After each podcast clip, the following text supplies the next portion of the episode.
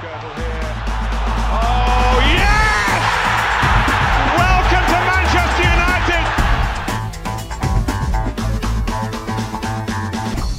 Velkommen til Old Trafford DK podcast, stedet hvor vi altid higer efter at holde den røde United-fane så højt som muligt, og hvor vi samtidig gør det bedste for lige at få svar på, om der måske er risser i lakken ved vores værste rivaler. Og lige netop det bliver et af temaerne for denne udsendelse, hvor vi kigger lidt nærmere på vores lyseblå naboer, som for tiden er inde i en kamp, hvor de for alvor ser ud til at have fået kamp til stregen. Manchester City er indtil videre udelukket fra de næste to sæsoners Champions League. En mulig pointstraf i Premier League ligger endda også lurer som et monster under sengen. Til at give en lille indsigt i, hvordan vores folk med hang til den forkerte Manchester-klub dog rent faktisk håndterer denne sag, hvad de mener, der kommer til at ske, og hvad det kan få af betydning for vores larmende nabobekendtskab. Ja, det prøver vi altså at få lidt mere videre om den næste times tid, plus at løse. Og til det formål har vi inviteret en fan med trang til Gallagher-brødrene, oliemilliarder og en grim blå måne hernede i vores røde hjørne. Det er dig, Simon Monsen. Velkommen til. Mange tak. Og til at forsvare de dejlige røde United-farver, har jeg allieret mig med en gæst, der er vant til at levere jysk, vestjysk guldkorn på stribe, og trods en meter på over to, eller trods en højde på over to meter, ikke har problemer med at beholde jordforbindelsen, når der kommer til forhåbninger til The Red Devils. Det er dig, Peter Christensen. Velkommen til. Mange tak.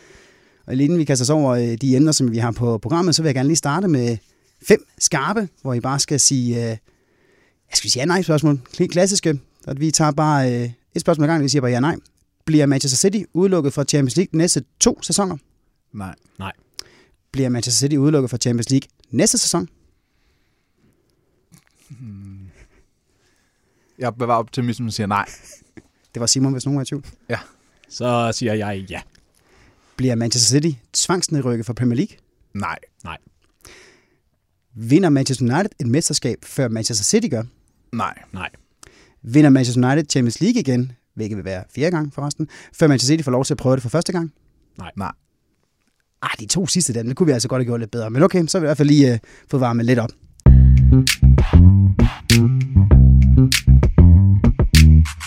Og så dykker vi øh, for en stund ned i de fire kampe, som vores øh, to respektive hold har været i aktion i den seneste uges tid. Der taler om fire kampe i fire forskellige turneringer, og for og Manchester United altså har altså været ude at sikre sig avancement i Europa League ved at vinde over Klub Brygge.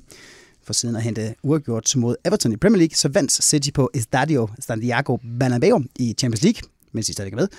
Mens Aston Villa i søndags blev nedkæmpet i finalen af Carabao Cup. Vi starter lige med at kigge på det opgør, som øh, Solskjaers mandskab var ude i i torsdags, Peter. 5-0 over Klub Brygge. Hvad er du står tilbage med af indtryk efter den kamp? Det var bare fedt. Altså, det er virkelig sådan en kamp, jeg har drømt om i rigtig lang tid. Især efter også at have set Arsenal spille i starten af Europa League. De der kampe, hvor du bare møder et middel svagt for nu ikke at være for hård ved brygge. Hold på hjemmebane, og bare tænker, hvorfor banker vi dem ikke 4-5-0?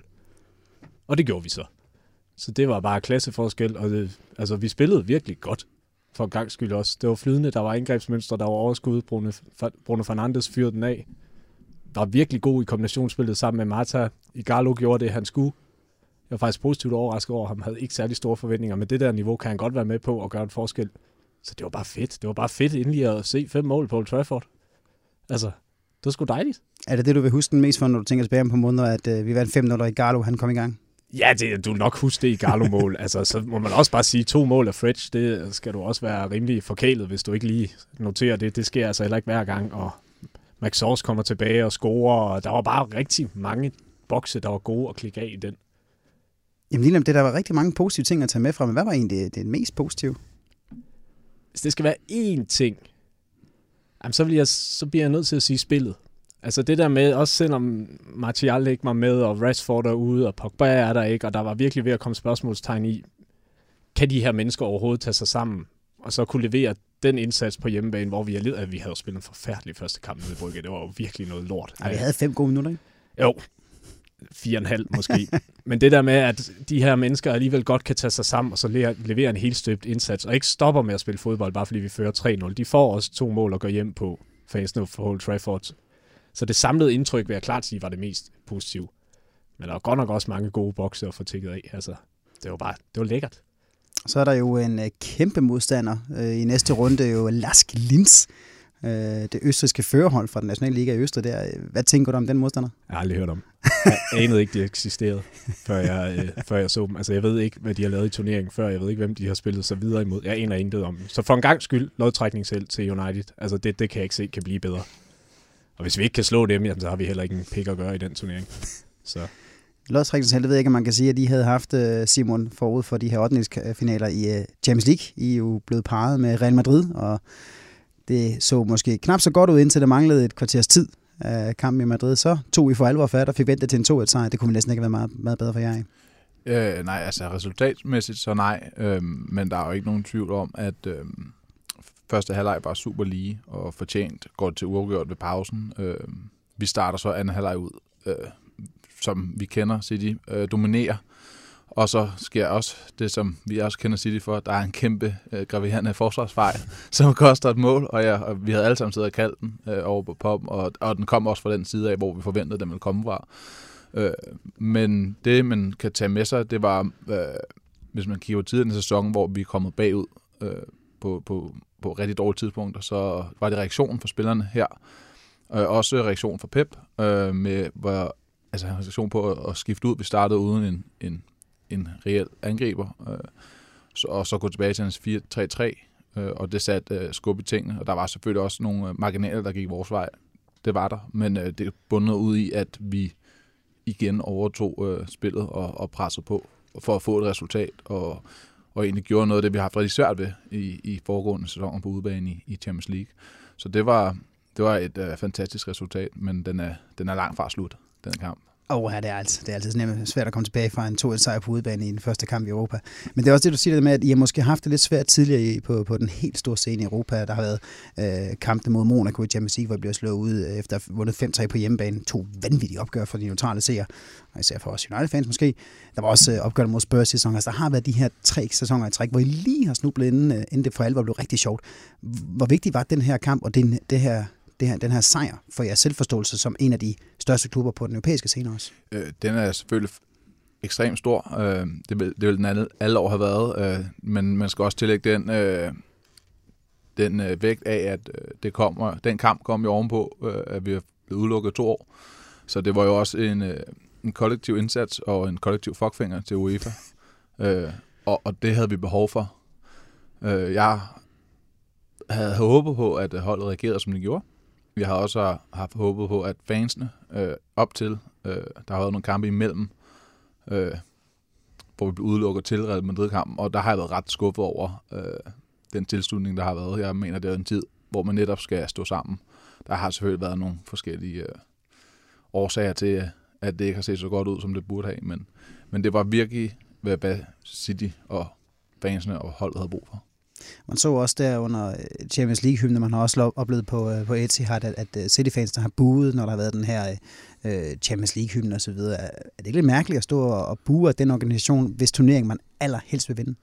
Det tror jeg ikke. Man skal også tænke på, selvom man rigtig gerne vil vinde den, så er det jo ikke på grund af folkene bag UEFA. Der er jo ikke, jeg tror ikke, der er nogen tvivl her i det her rum, at UEFA er en bundkorrupt organisation. Og det, det kan vi godt blive enige om. Øh, og, og, og på mange måder, så er det jo ikke burde man jo ikke hylde sådan en, en turnering, som er styret på den måde, som den er.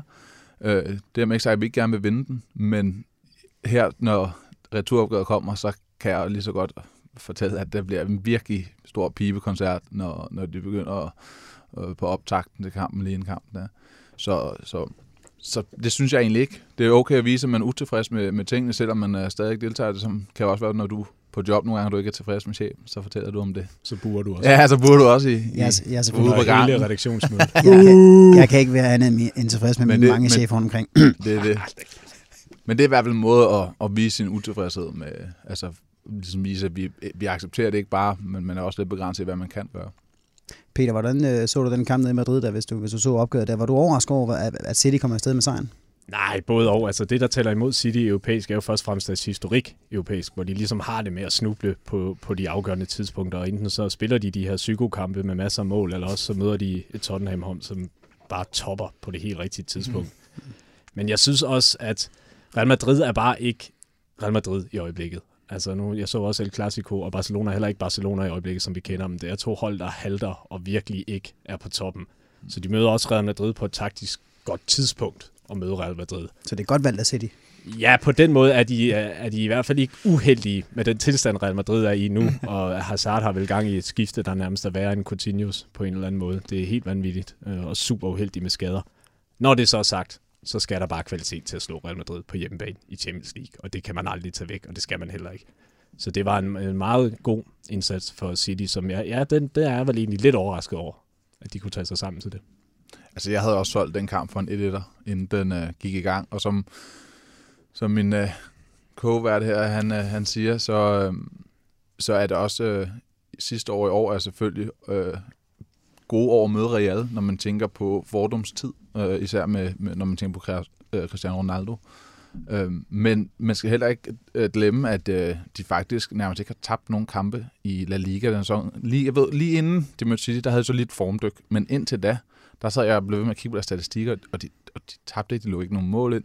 Scorede ikke lige så meget, som de gjorde før, dog, altså ligesom Liverpool, vi har set i år, formåede at få de sejre, de skulle have. Så øh, jeg tænkte faktisk, det er mere et uh, måske sammentømret hold, som ikke bare afhang af, af Cristiano, der skulle gå op og lave et hattrick for nogle gange for at gå videre. Så øh, inden kampen gik i gang, så, så, så var jeg faktisk en smule uh, nervøs uh, for, hvordan det skulle gå, men så tabte de til Levante lige inden på, på udebane, så var jeg sådan lidt... Okay. Så, troede du, så troede du på sejren? Så, så var jeg sådan lidt, okay, okay hvis Vante kan, så, så må vi også gå et eller andet. Hvordan øh, ser du på jeres mulighed? Nu sagde du selv, at arbejdet skal selvfølgelig gøres færdigt osv., men altså 2-1 ud over Real Madrid, I skal bare hjem og forsvare den, forsvare den hjem. Det er jo vant til at kunne. Altså, det der var, ret, altså det der var, selvom det var et godt resultat mod Real, så var det jo forfærdeligt at se uh, Laporte uh, humpe ud igen uh, så tidligt i kampen, hvor vi vidste jo også godt allerede der, at han ikke beholdt rent mål i den kamp. Øh, det er heldigvis ikke hans knæ igen. Det er, det er, bag, det er en fiber i baglåret, så han er ude 3-4 uger. Så han, han er nok ikke mere returopgøret, men det betyder så også, at jeg ved allerede nu, at vi kommer ikke til at holde rent mål på hjemmebane. Det ved jeg. Men rammer så ikke med, så de, de ja, scorer ja, ikke. men det er også det, er så det. Jeg tror også, at de holder heller ikke rent mål. Det, det tror jeg simpelthen ikke på. Så om det bliver en 1-1 eller 2-1 til os, det ved jeg ikke. Øh, 2-2'er. Øh, men der bliver mål i begge ender, øh, og forhåbentlig øh, scorer vi flest af dem.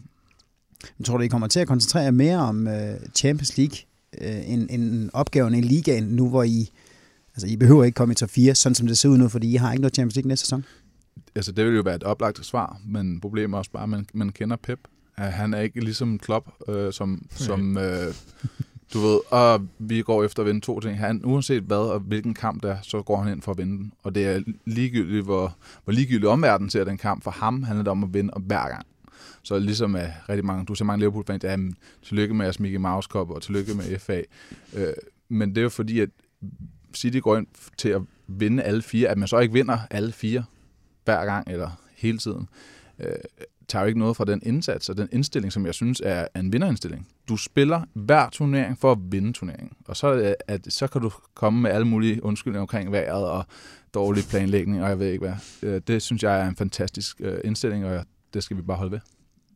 Ja, mens I altså vandt et trofæ, øh, nu kan du til Mickey Mouse trofæet, den har vi altså også været glade for i 17, da Slatsen han sikrede os den. Øh, er på, et fint lille trofæ. Ja, altså. det er da sjovt nok. Altså Mourinho, han er i hvert fald rigtig glad for den. Det er en bonus jo. Ja, det er dejligt. Øh, men mens I vandt det, så var vi jo så en, en tur i Liverpool for, for at møde Everton på Goodison, hvor vi spillede 1-1. Vi startede med både uh, Scott McTominay, som var tilbage uh, i startopstillingen, Matic og uh, Fernandes på midtbanen, uh, og så også lige uh, den lille vævre type Fletch. Uh, hvordan synes du, vi klarer det med den uh, konstellation, Peter? Overraskende godt. Øhm, var du nervøs før? Ja, nej, jeg var mere spændt, fordi jeg synes faktisk, det var interessant, og det var sjovt at se Solskjaer ligesom sige, jeg har de her spillere til rådighed. Øh, min bedste spiller øjeblik, det er central midtbanespiller. Kan vi bruge dem alle sammen på samme tid? Det kunne vi godt. Så det er jo egentlig altså, kado for, at han prøver det, og kado for, at det virker, især i første halvleg. Men det fungerede jo fint. Altså, det fungerede nok bedst i venstre side med Fredge og Shaw, fordi den her formation med diamanten gør, at vi skal have baksene så langt frem som muligt for at skabe bredde. Og det er Shaw bare bedre end øhm, Juan Bissaka på den anden side. Og Fredge løber også mere dybt for Bruno Fernandes, end McTominay gør. Han, er, han kan bedre tage den rolle, Fredge, end McTominay kan. Så man kan godt se, at vi var lidt skarpere fremad i venstre side, men helt overordnet spillede de godt, og det fungerede, og det fungerede faktisk rigtig godt i første halvleg. Altså, det er klart, du får mere spil gennem midten, men det kan de typer godt klare. Altså, Fredge er god med bolden, Fernandes er god med bolden. Når du har Greenwood og Martial tæt på, så kan man ligge og spille 1-2 og lave nogle temposkift. Så det var jeg bare overrasket over. Altså, det synes jeg virker. Men for helvede virker det så ikke efter pausen? Jamen, det tror jeg, der er flere grunde til. Øhm, nu spillede vi jo mod en modstander, det gør man ofte. Og Everton kom også ud med et bedre udtryk. Så Ancelotti har fået skruet på nogle ting, og så har man simpelthen også... Jeg synes, de gav den mere gas. Altså, de sluttede øh, første halvleg af med virkelig også at sparke til, og de startede de også for anden halvleg. Så et større tryk for Everton samtidig med, at vi bliver trætte. Bruno Fernandes så rigtig træt ud til sidst. McTominay kunne ikke spille hele kampen, og da man tager ham ud, jamen så det her overtal på midtbanen falder sammen, og du får Mata ind, som ikke rigtig formår at sætte sit præg på kampen. Så jeg tror, det er en kombination med, at modstanderen skruede op, og vi blev trætte. Og hvad tænker du omkring det drop, som øh, David De Gea han laver efter et par minutters tid? Frygteligt. Altså, det er virkelig interessant, når jeg har set det mange gange nu, og fordi at øh, Leven, øh, Everton angriber, altså han spurgte jo ikke engang efter den. Altså, det er sådan et øh, alabiløb, han laver, og så kan han ligesom se, at man sparker den ikke. Jamen, så bliver jeg ved med at løbe. Han sparker den stadigvæk ikke. Jamen, så løfter jeg benet. Nu har jeg skåret et mål. altså, det er, det var nogle af de fejl, der sned sig ind i hans spil, øh, David De Gea, desværre. Og det må man, øh, det må man jo sige, ikke taler for ham på nogen måde. Det er jo kæmpe koncentrationsvægt, og Jamen, dyrt det. Jamen lige nu, det var altså, fordi nu vi har snakket om, der er masser af gange i den her podcast, at vi er alle sammen enige om, at han er stadigvæk vores første valg, og han skal nok også være det, for han er stadigvæk en af, på papiret og på en normal dag, en af de bedste keeper, vi har, der er i verden. Men altså, hvor mange flere af de her drops skal vi tillade os at tage imod? Nu har han lavet syv drop, der ført til mål her det sidste er det to år sæson, halvanden sæson. Det er vanvittigt meget af en målmand. Jamen, det er vanvittigt meget, og det, altså, det er jo svært at sætte tal på. Skal vi acceptere fire mere, og så sige, så er kvoten brugt? Altså, det er ikke mange flere, så synes jeg jo også, man som træner godt kan sige, og lave en Lampard, og så sige, jamen, så må du ud på bænken lige, få dit hoved straight. Altså, når vi går ind i en slutspurt, skal... som vi gør for at nå top 4, så skal vi have vores bedste folk klar, og hvis han ikke er det i øjeblikket, så må han også være professionel og konkurrencemenneske nok til at acceptere en, en bænkplads. Problemet er, at jeg har ikke rigtig et indtryk af, hvordan han fungerer psykisk. Jeg ved ikke, hvordan man klapper David De Gea bedst på, på hovedet, om det er med... Øhm, jeg tror, jeg vil spille noget metalmusik i ja, Om det er med evig støtte, eller han nogle gange også kan reagere godt på at få den kolde skulder lidt. Øhm, så det, det, skulle, det, det skal, de kender ham jo bedre, end vi gør. Men jeg synes, rent sportsligt kan du godt argumentere for, at der ikke skal mange flere fejl til, så skal han en tur på bænken. Han har jo også været ude at sidde en gang før, hvor en vis dansker så overtog buret. Det gjorde jo trods alt godt for hans karriere. Ja, 100 altså. procent. Og da hovedet var halvt i Madrid, og faxmaskinen kørte på halv strøm, røg han også ud. Og det kunne han jo også sagtens klare, så det, jeg tror heller ikke, han bor sammen øh, psykisk af det, men det er også, som du siger, vores første målmand, så det er jo ikke noget, man skal gøre, bare fordi, når du droppet to kampe, og altså, der skal være en, en strategi bag det. Og det er da super irriterende. Det er måske også super til, at vi kun står tilbage med, med et point efter, i hvert fald den første halvdel, hvor vi fuldstændig domineret på alle parametre. Øh, står tilbage med en følelse af, at vi... Øh, åh, jeg synes, ja, første halvdel var i hvert fald de første 40 minutter, øh, efter de kom foran, så var det nærmest ikke over midten Everton, før de så Nej, men når de så var, så gik det fandme også stærkt. Jeg så nogle vamle løbedueller, Lindeløf var involveret i, som godt kunne være gået galt. Ja, altså, det er jeg... generelt alle løbedueller, han er inde i. Ja, ja, præcis. Men, men det så rigtig godt ud i, i første halvdel. Men jeg synes ikke... Altså, jeg er enig i, man skal vinde over Everton, man skal også vinde over udebane, men det her er ikke som kampen udvikler, synes jeg ikke, det er to point øh, smidt. Det, det kan vi ikke tillade at sige. Der er begge hold havde chancer til sidst for at vinde den. Det er et point på, øh, på Goodison, og som tingene er for Manchester United lige nu, det kan vi godt være tilfreds med. Det kan man så bitch over herfra til dommedag, men altså, that's, that's a fact right now. I fik også en, en lille gave til sidst. Ja, med det andet mål. Ja, ja, altså man kan sige, at selvfølgelig, hvis du nærlæser reglerne og så videre, kan du godt argumentere for annulleringen, men den er billig. Det, og den ser billig ud. Ja, det med at læse regler, det er jo ikke noget, I gør så meget i, så... så er vi ligesom i gang. Nej, men altså, jeg har have den der, den der af scoring der. Jeg sad også og havde diskussion med masser af mine andre United-kammerater. Jeg synes jo rent faktisk, målet burde have lov til at stå. Jeg synes ikke, han har nogen som helst indflydelse. Tværtimod prøver han mm. på de to slows, man har ned, nået at se efterfølgende. Så sådan synes jeg, han virker som om, han prøver at fjerne benene. Men, Men det gør han jo også. Og det er jo det, det, er jo det der skaber det, en bevægelse, som man så mener har indflydelse på David De Gea's muligheder for at redde bolden. Men det står i loven, det, så ja, er der offside. Og det, er, og det er jo lige præcis det med. Det er jo handbold, så, men der er vi også tilbage, så ændrer loven. Ja. Altså, så, men det, kommer men det er et skøn. Ja, det er det. Og det var det også for vardommerne, og jeg var heller ikke gået helt amok, hvis den ikke var blevet dømt. Men, men altså, jeg går helt amok, hvis jeg tabte den kamp. Også, også fordi den, ram, altså, den rammer Maguire også. Fordi det, så skal du ind og vurdere, så er det ikke bare med, om han fjerner benene, så er det, om Maguire aktivt prøver at spille bolden. Men det gør han jo ikke.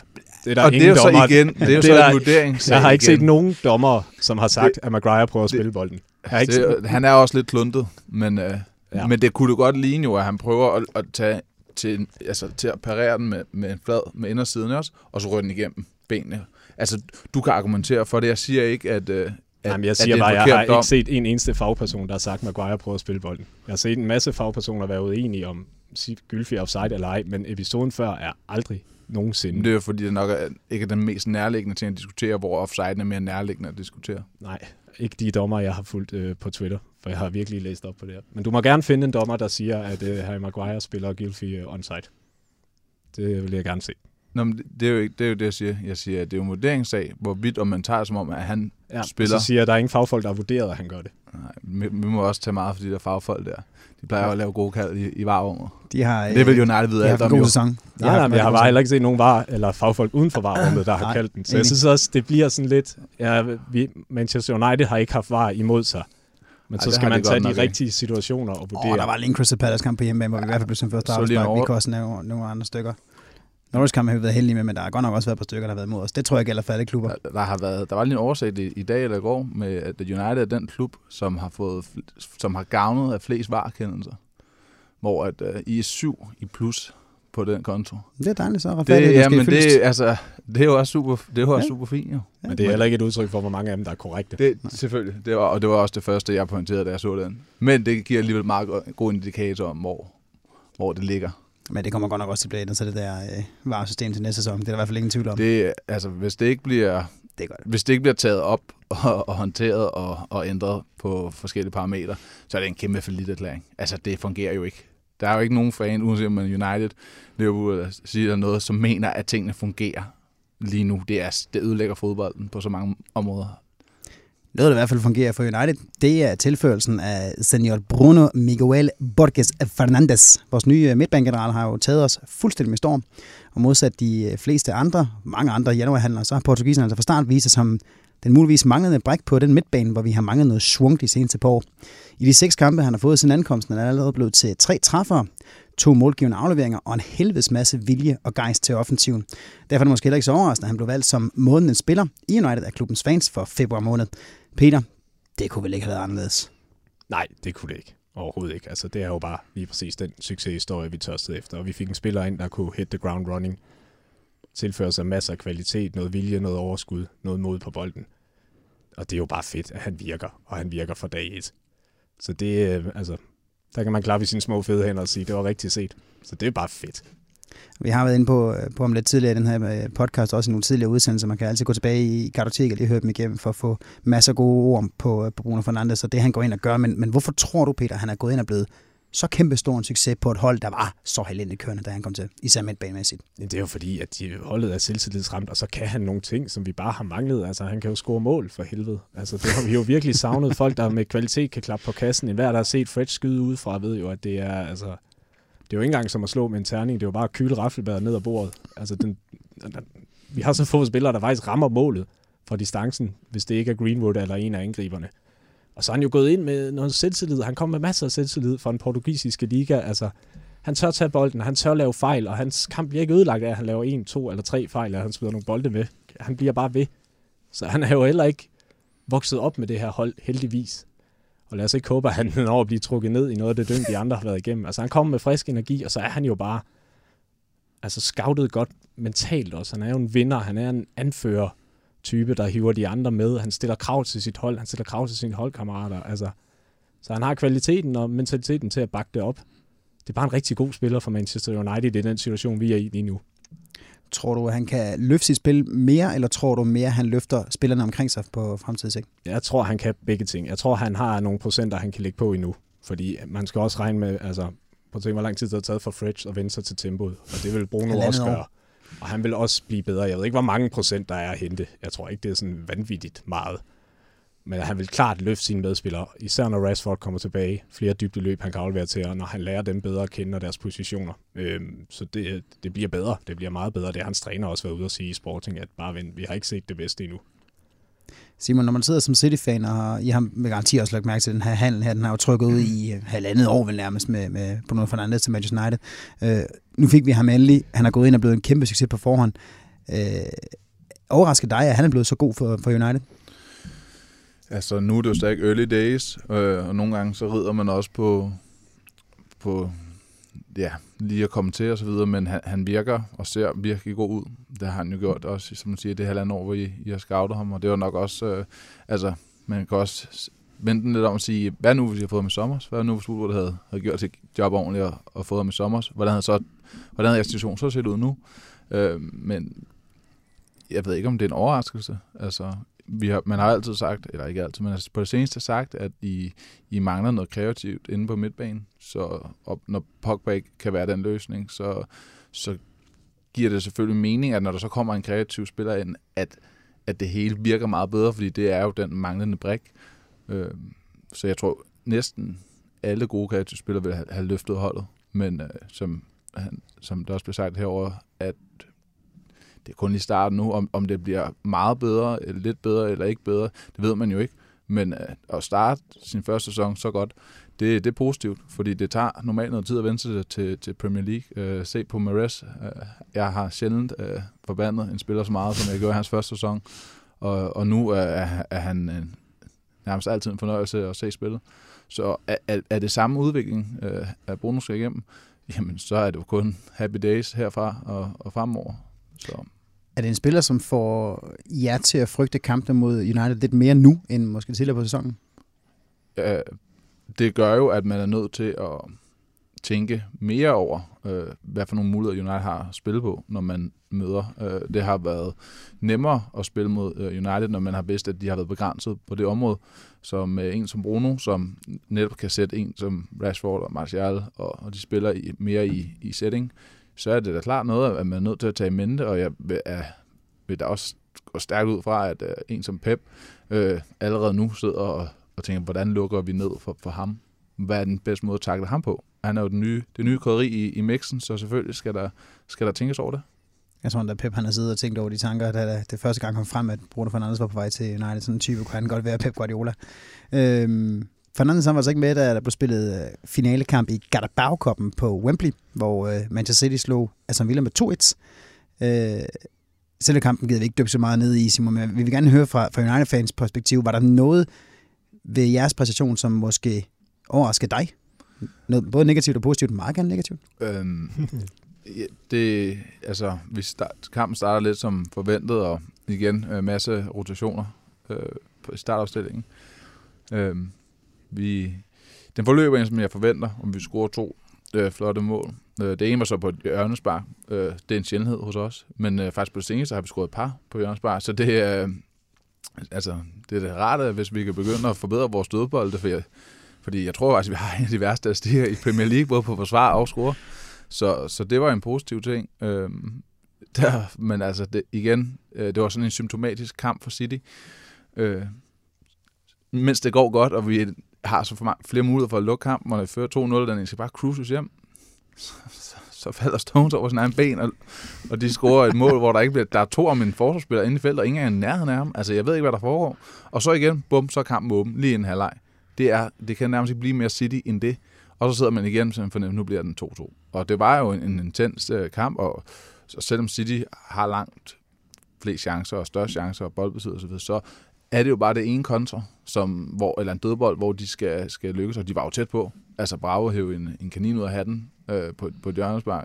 Så jeg ved ikke, øh, positivt, negativt, det var en symptomatisk kamp for City. Og på, men det der, det der nok overrask, eller ikke overrasker mig mest, det gør mig mest glad, det var, at vi kunne igen vinde grimt. Det, det har vi manglet den her sæson. Vi har ikke kunne vinde grimt. Det har været noget, Liverpool har været fantastisk gode til, og det har noget, vi har været gode til førhen. Øh, det har vi godt nok manglet, og det tror jeg også, det kommer lidt af, at vi ikke har Laporte. Det er, vi, vi begår så mange fejl, og det ved alle modstanderne også. De ved, hvor, hvor de skal spille hen, og hvilket løb de skal tage. Vi har et meget langsomt forsvar, og, det, og vi spiller med meget høj øh, øh, forsvarslinje stadigvæk, selvom vi ikke har så mange hovedspillere. Så der, der redder Walker altså, forholdsvis mange gange med sin fart.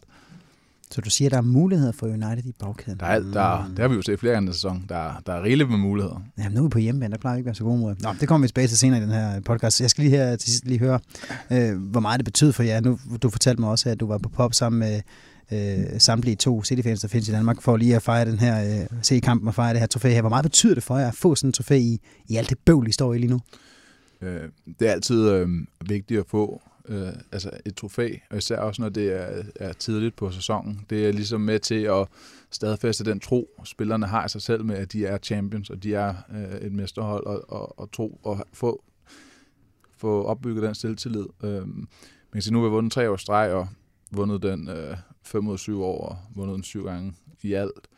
Øh, det er jo ikke en, øh, den største turnering og, og, og, og, eller, og cup, og, og hvis den står alene, hvis vi ikke vinder noget andet, og her taler jeg ikke om for eksempel FA Cup, men Premier League eller Champions League, så, altså, så er det ikke nok til at kalde det en succesfuld sæson for mig. Så, så den skal kombineres. Det er, en bon, det er et bonustrofæ, som er rart, hvis du uh, kan hvis du har noget at sætte den op imod som en PL-serie. Eller en sidevogn. Jamen, altså, ja, men, men det vil, men tror jeg, de fleste vil. vil altså, det, det, det luner, og, og forhåbentlig kan man ligesom bygge på, på den her uh, sejrs uh, triumf. Men, uh, men man skal, altså, det er ikke sådan, at vi løber nøgne igennem gaderne over det. Øh, men, men man kan også sige, sådan, hvis Aston Villa havde vundet, de var jo øh, gået fuldstændig amok. De havde fejret det, som om det, at vi vandt Champions League.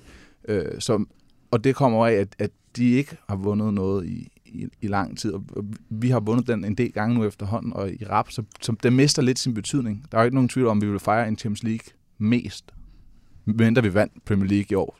Så har vi fejret meget. Ja, det, det, det, det er ret utroligt. hvad, hvad betyder det mest, at I øh, slog Villa i finalen, eller I slog også ud i semifinalen?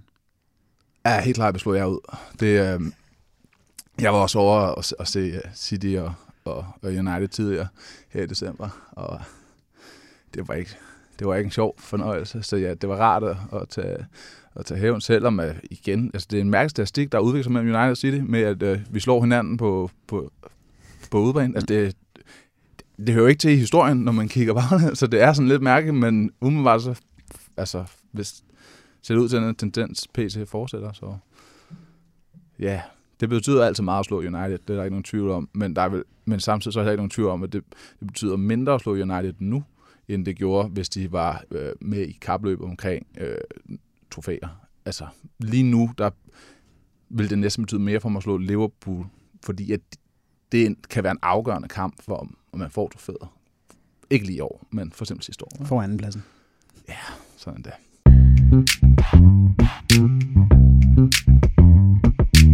Og så vender vi os mod et tema, der nærmest har fyldt mere i fodboldoverskrifterne de seneste par uger, end diskussionen om VAR, som kun er slået i omtale på verdensplan af en coronavirus, og vil næsten kun blive overgået på what the fuck-skalaen af Martin Brathwaite's skifte til Barcelona.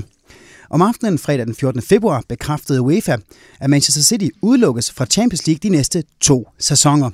Det vil sige, at hvis de som forventet ender i top 4 i denne sæsons Premier League, ja, så må de altså lade passet blive hjemme, og i stedet se nummer 5 i ligaen snuppe deres plads i det gyldne selskab. Desuden blev de lyseblå idømt en bøde på 30 millioner euro for ikke at have levet op til reglerne om financial fair play. Og som om det ikke var nok, så truer Premier League også med at tildele Guardiolas garde en pointstraf og i yderste, men nok også mest tvivlsomme tilfælde, at fratrække klubben point med tilbagevirkende kraft, så mesterskaberne fra 2012 og 2014 videreføres til runner-up for de to respektive sæsoner. En fuldstændig vanvittig udvikling på en sæson, som ellers mest har handlet om Liverpools march mod mesterskabet. Men Simon, lad os lige få høre først. Hvordan reagerede du, da den her nyhed breakede for ja, halvanden uge tid siden? Øhm, forholdsvis øh, rolig. Jeg har lidt forventet nyheden. Øh, det, der slog mig lidt ud, det var nok, hvor, hvor meget omfattet. Altså, to år er en ekstrem hård straf, og set også i lyset af, af hvad der angiveligt er, er foregået. Øh, jeg tror også, at de fleste var enige om, at de blev overrasket over, at det var to år. Men det kommer jo nok af, at UEFA højst sandsynligt har vidst, at, eller de vidste 100%, at City vil appellere, og så tænker de, jamen, der er nok større chance for, at Kass, øh, eller at City får en straf, hvis Kass skal omstøde for to år, end for et år. Så jeg, jeg tror, det er med vilje, de har sat den højt, og i håber om, at det så lander på det, de helst vil have, som er et år.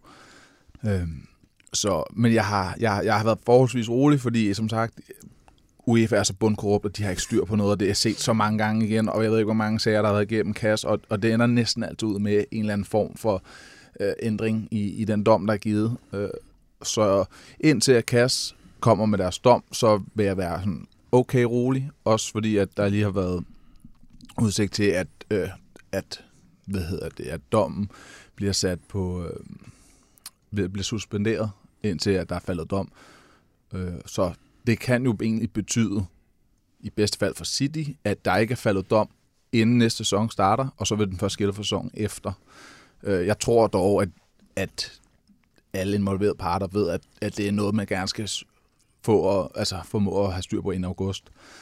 Så må ikke også, at, at der er det. det. Det tror jeg. Jeg tror, de arbejder på højtryk, og, og, og jeg ved, at City har et stjernespækket advokathold. øh, altså det, det, til første møde, der var med UEFA, der kom UEFA med to advokater og sige, de kom med otte. så, så bagefter så gik de ud, og så hørte de ham, øh, gutten, der havde forhindret Brexit to gange også, øh, til 20.000 euro om dagen.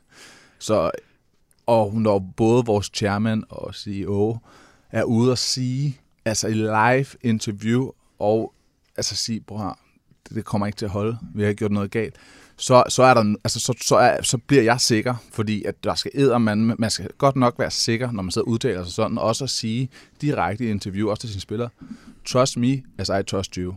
This will get discarded. Altså, Altså, vi så jo også komisk, at Ali, han stod med amerikanske tank kørende i baggrunden og sige, let er noget American troops in Baghdad. Altså, hvordan kan du sidde og være sikker på, at det skal nok gå, hvis vores chef han siger det? Ja, det, det kommer nok af, af, af den så store som City er, altså så velorganiseret, så, så, så dygtige de er. Jeg, jeg tvivler simpelthen, jeg er ikke et sekund i tvivl om, at City har presset altså til, til grænserne af grænserne inden for det her. Men, og det har de jo gjort, fordi at der er ikke nogen tvivl om, at vi føler, at øh, Financial Fair Play det er, for at beskytte den etablerede elite. Grundideen med, med Financial Fair Play var super god og sørge for, at, at, at klubber ikke gik øh, bankerot og brugte penge, de ikke havde.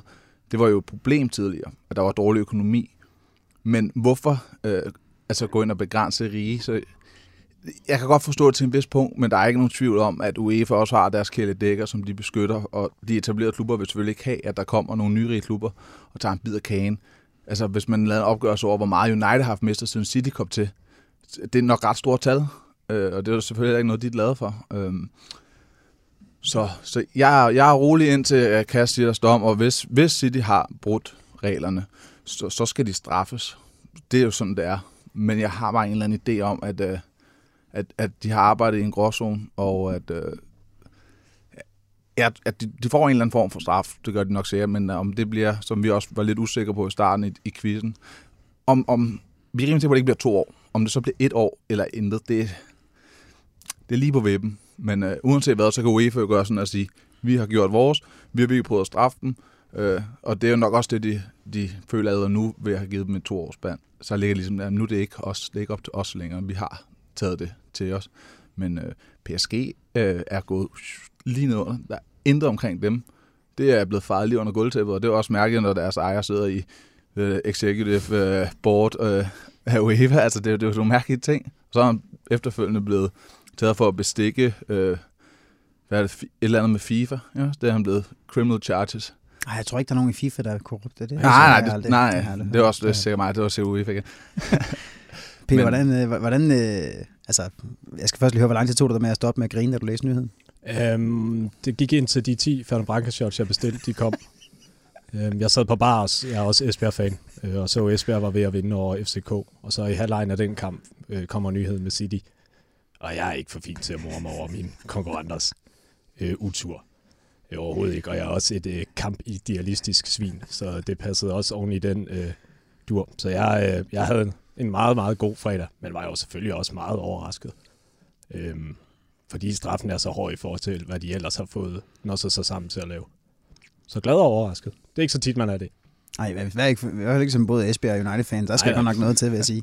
Uh, Simon, sådan kort fortalt, uden vi skal dykke alt for meget ned i det her med Financial Fair Play. Hvad er det så, UEFA, som det ser ud lige nu, giver jer en to års udelukkelse for og en, og en kæmpe bøde. Så hvad er det, I, I ifølge deres meldinger har gjort? Jamen, det er jo, at øh, angiveligt har, har dopet øh, sponsoraterne. Øh, at øh, det bunder ud i, at City har jo øh, indsendt en masse øh, dokumenter og regnskaber, hvor de i de siger, at, øh, eller beviser, at øh, et sponsorat er, lad os bare sige, 20 millioner pund værd. Og det viser sig så, at pengene fra det her sponsorat kommer fra en virksomhed, hvor de så har fået tilført, lad os sige, 8 af de millioner øh, af et selskab, som har en eller anden tilknytning til øh, Jacques Montour. Og, og om det så er sådan, det er og så videre, øh, det ved jeg ikke, men det er i hvert fald det, de anklager for. Det er jo finansiel doping i den forstand, at de gør deres sponsorater mere værd, og jeg har klubben flere penge at bruge af. Jeg men, men jeg mener altså kun sammenlagt, så det er 50, det er 50 millioner pund sammenlagt, at der skulle være dopet. Og, en halv milliard, det er jo ingenting. Nej, altså forstår man ret, i, i nutidens fodbold er det jo ikke så mange penge i forhold til, hvad der ellers bliver, altså, bliver brugt for. Jeg synes, altså to år er en hård dom kontra hvad vi er ude i, i, i, i mønter, eller hvad man siger. Men øh, det kan også godt være, at det er mere, det ved jeg jo ikke. Når, når Kask kommer med deres dom, så tror jeg, at vi får en helt klarhed over, hvad er om, omfanget af det her, og har de overtrådt nogle regler, og hvis de har, hvor langt har de så gået over? Det er jo også et spørgsmål, som jeg tror også, de vurderer øh, ud fra deres strafafgørelse. Hvorfor tror du, det er lige præcis her jer, som UEFA er gået efter nu her? Ej, man kan så sige, øh, øh Ruben Kazan er også lige blevet udelukket en sæson på grund af brud på FFP også. Jamen, he, altså hele verden hedder City. Øh, og at, og det, der er sådan en generel tilgang øh, om, at øh, City ikke fortjener det, de har i dag. Og du ser det også i samtlige nomineringer til, når der skal dele hæder ud i løbet af sådan et år. Øh, City er forbigået, altså også spillemæssigt, altså spillermæssigt er forbigået. Øh, så, og så, jeg tror bare, det, det, det, det er nemt. Det er nemt offer at tage fat. Det er nemt at statuere et eksempel ud, ud af City, tror jeg. Hvis jeg selv skal komme med flying. Men det kan selvfølgelig også bare være, fordi det, at det er en klub, som altid presser det til grænsen, så derfor gør det det nemt. Peter, du har en kommentar?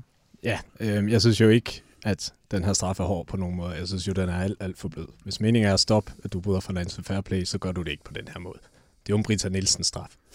Det her opfordrer folk til at spekulere i at bryde reglerne, fordi den, hvis du sammenligner med at bygge et hus, så skal du bygge det fra bunden. City har brugt et stilas, de har snydt økonomisk, købt et stilas og bygget det. Nu fjerner vi stilaset, men vi røver ikke huset ned og beder dem bygge op igen. Det vil sige, de bliver på den position i verdensfodbold, det der. City har snydt sig til at tjene så mange penge, som de gør nu, og den position tager vi ikke fra dem. Vi siger, at de må, så må du ikke bo i øverste etage af huset i to år, men huset står der jo stadigvæk. Øh, første salen er stadigvæk åben for Premier League. Pep kan stadigvæk bo der. Så hvis ideen er at sige til de her store klubber, I skal ikke snyde financial fair play, fordi så får I en straf, så er den her straf slet ikke hård nok. Altså skal de jo tvangsnedrykkes. Så man kan se, okay, jeg kan ikke investere i en klub og snyde mig til at tjene flere penge hurtigt. Så hvis det der er ideen, og hvis de har brudt det, så synes jeg ikke, straffen er hård nok. Så er det totalt mudder, fordi jeg er helt enig, at UEFA er bundkorrupt. Og Manchester City er slet ikke den eneste klub, der skal straffes for det her. Det er super fucking weird, at PSG ikke er blevet straffet. Men du kan på den anden side heller ikke vaske der ren i andre skidt. Altså, fordi PSG bryder reglerne, skal straffes, så skal City jo også straffes, hvis de har brudt reglerne. Og det, jeg synes, det er sådan lidt underligt at sige, fordi vi kun har brudt reglerne med det og det antal mønter, så skal vi kun have den og den straf. Det er også ligesom det der, jeg har kun kørt det og det er for meget, så skal jeg også kun have den og den straf. Det er sådan lidt, altså, hvis du har brudt reglerne, og lovens ånd er, at vi vil ikke have, at folk doper deres klubber, fordi så handler fodbold kun om at tjene penge, og det er vi ikke interesseret i. Jamen, så skal man også have en straf, der rammer folk på pengepunkt. Og det synes jeg ikke, at City med rette kan sige, at to års ban for, for Champions League gør. Så øh, det, det er jeg er ret uenig i, at det, det skulle være sådan ek, ekstremt hård, hvis ideen er at, at forbyde øh, financial fair play. Så er der en masse problemer med financial fair play, men det er to for mig at se separate diskussioner. Er vi enige i de regler, der er, og har City så brudt de regler, der er? Men jeg vil også, altså, det må Casio gøre op. Det har fandme travlt, den sportsdomstol. Det er jo alt fra dopingsager Tour de France til, til fodbold, de sidder med hele tiden. Men det er fandme blevet et varmt beskidt system. Altså.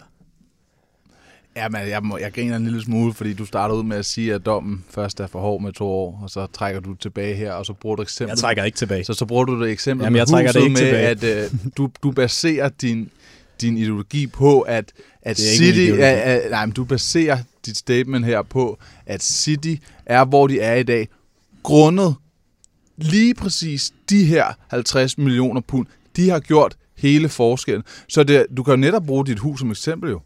Og du siger, at det ikke er en hård straf økonomisk at være udelukket for Champions League i to år. Er du klar over, hvor store økonomiske konsekvenser det har for en klub? Det er jo fuldst... Altså, Men så får jeg bare nogle flere sponsorater jo. Jamen det er jo det, nu, det, er jo det de taler om. Men, men du taler om, at det ikke er en hård økonomisk straf. Det er det jo. Nej, ikke for Og- Manchester City. Men, Sorry, og, så, og så samtidig så siger du, at man ikke kan sige, at jeg kører for stærkt, så skal jeg den, den bøde. Det er da netop, hvis, hvor meget du har kørt for stærkt, så bliver straffen udmålt efter det. Har du kørt 10 km for stærkt i en zone, eller 100 km for stærkt i en zone, så bliver du straffet efter det. Jeg du sagde, mod, var- modsiger dig selv. Nej, jeg gør ikke. Jeg sagde, jeg var det da. svin. Der er ikke nogen modsigelser i det der. Jeg er da også uenig med den fartlov. Hvad er modsigelsen i det? Hold nu op. Selvfølgelig, de penge City har brugt, har jo hjulpet den til den position, at de så har kørt den lige til grænsen og 50 millioner pund over. Selvfølgelig har det der gjort en forskel. Hvad skal vi fjerne? Tre fjerdedele af stilaset, er du så tilfreds? Er det den øverste møtrik? Men altså, Altså- det er jo lige netop det, det handler om, at du kan jo ikke fratage dem alt. Altså, lad os, Men vi fratager dem da du- heller ikke jo, alt. Jo, men, de men, spiller stadigvæk Premier League. de, ja, ja. de præmie, men, men, men nu bliver der også talt om at komme ned i, i, i, i League 2. Nu taler vi bare om alle de mulige konsekvenser, der kan være.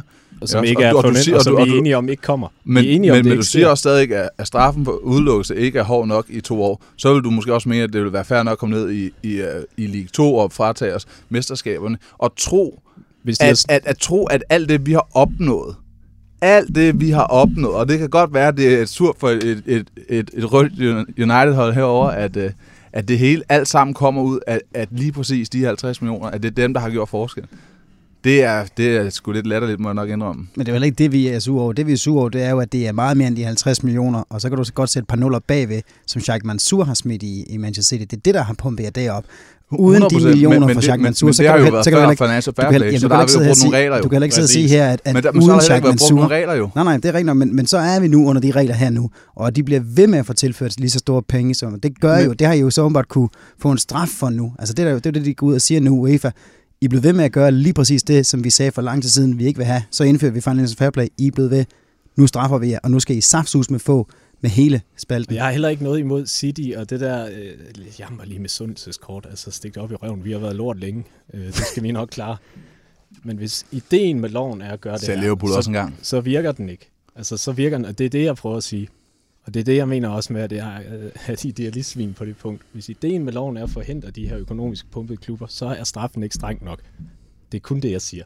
Mm. Men hvad skal straffen så være, hvis det hvis det Så synes jeg jo, at du virkelig skal skræmme de her rigmand væk. Altså, så skal du sige, hvis du gør det her, og du bliver taget i at snyde økonomisk, så bliver du også ramt økonomisk, og du bliver virkelig ramt økonomisk. Og det er ikke noget med, at du så bare kan afskrive over to år, så får vi ikke lige Champions League-penge, men vi kan stadigvæk vinde Premier League. Og så kan vi spænde en historie på det, og så er vi klar om to år så skal du jo kunne se, at det her er ikke en investering, vi kan gå videre med. Det bliver du jo nødt til. Ellers så, altså, hallo, fodbold er den sportsgren i verden, der har omfavnet kapitalismen bedst. Det der er så mange penge at hente, og de er da skide ligeglade med alt andet. Altså, Jacques Mansour, der er jo ikke en kæft af de her mennesker, der investerer i fodbold, fordi de har været fan af City hele livet, eller de møder op på stadion hver weekend og ser fodbold. Det handler om at tjene penge, og det handler om at få indflydelse. Hvis det er det, du vil forhindre, så sorry to say, to år i Champions League, det er ikke en streng straf, og det er ikke strengt nok til at skræmme de mennesker væk. Altså, det er det ikke. Hvad med så at forbyde Mansour som ejer? skal være? Jamen, straffen skal være langt hårdere. Altså, så vil jeg, jeg vil tvangsnyde ryggen, og så vil jeg sige fem års ban. Eksempel. Fra, fra, fra UEFA? Ja, ja ala UEFA. Men, men burde jo også gå ind og kigge på Financial Fair Play-reglerne og så tale om, for det var jo for, at man skulle drive sunde klubber. Og når man så ser på United, og så tænker man sund, sund økonomi. Så enig. Det Fordi burde det, ikke det, burde jo, Nej, det burde det nemlig ikke at, at have en, en klub, der har så... Vi har verdens største øh, sportsgæld. Ja. Det er fuldstændig vanvittigt. Og så sidder man og taler om, om, om tilførsel. Altså, det, der også er mærkeligt med hele det Financial Fair Play, det er, at man begrænser... Altså, der er jo ikke nogen virksomhed i verden, hvor ens ejer ikke må smide penge i. Det, er, det er jo også lidt et mærkeligt koncept, og jeg vil, og, men samtidig vil jeg også gerne give, der, der skal også være øh, på en eller anden måde et, et limit et, på et eller andet limit. En eller anden, jeg siger ikke, at jeg har idé, men det er mærkeligt, at man som ejer ikke må poste det i sin investering, som man, som man har lyst til eller har mulighed for. Men der er vi også nede i kerneessensen af modern football, at du siger det selv. Altså, hvor meget er en fodboldklub en virksomhed? Hvor meget går det ud på at tjene penge, kontra hvor meget går det ud på at konkurrere i en sportsgren? Og det er jo den balance, som jeg også synes har forrykket sig helt hjernedødt. Og som simpelthen bare er gået galt, især i europæisk fodbold. Altså, der har været historier ude med selv amerikanerne, et ærkeliberalt samfund, har ligesom fattet, at jamen, sport går ud på at have sådan en konkurrencedygtig liga som overhovedet muligt, så de kører jo med lønloft, og jeg ved ikke hvad. Mm. De ting kan jo ikke lade sig gøre i USA. NBA havde sendt nogle repræsentanter til Barcelona for ligesom at idéudvikle, og man kunne sådan trække lidt synergi ud af hinanden, og de blev ved med at sige til Barcelona, at de forstår ikke, at de vil have sådan en stor bid af tv-kagen. Det må, man burde gøre i hver liga, det var, at man burde pumpe flere penge ind i de næstbedste hold. Sevilla, Valencia, for at kunne få en mere konkurrencedygtig liga, og der udtaler Barcelonas formand jo, at han bare sad og tænkte, det forstår jeg ikke et ord af, jeg vil bare vinde, jeg vil vinde hver gang, jeg vil vinde det hele, og jeg vil have det hele. Så det er den der ideologi, Og det er der Guardiola har det fra. At det der med, at man, man kan det ikke se ud over sin egen næsetip, og det du kan se ud over din egen næsetip, det er det bjerg af penge, du kan tjene. Det er det, jeg er imod. Og i den henseende, det forhindrer vi ikke med den, den, den her straf, og det forhindrer vi ikke engang med Financial Fair Play. Det, sige, det gør du heller ikke med reglerne, som det er i dag. Nej, og det gør du ikke med UEFA, fordi UEFA vil også bare tjene penge. Ja, det derfor... Det er i hvert fald set, at de jo så udelukkede netop Ruben Kazan det næste år fra Champions League, eller europæiske turneringer for den sags skyld, og så dagen efter, så giver de dem lige uh, Superkoppen næste år, ikke? Jo, jo, men det er altså... Som en plads UEFA er korrupt, FIFA er korrupt, indiskutabelt. Faktisk sjovt, Etienne har ikke fået en europæisk finale nu. Måske fordi der er bange for, at det ikke kan blive udsolgt. Det ved jeg ikke, hvad det er. Nå, hvad hedder det? Hvis vi kommer tilbage til den her sag her med, med, med, med jeres uh, Citys mulige udelukkelse osv. osv. Hvor, hvor hård en straf vil det være? For nu er du ude, Peter han mener selvfølgelig, at mener, at det ikke vil være nogen straf synderligt.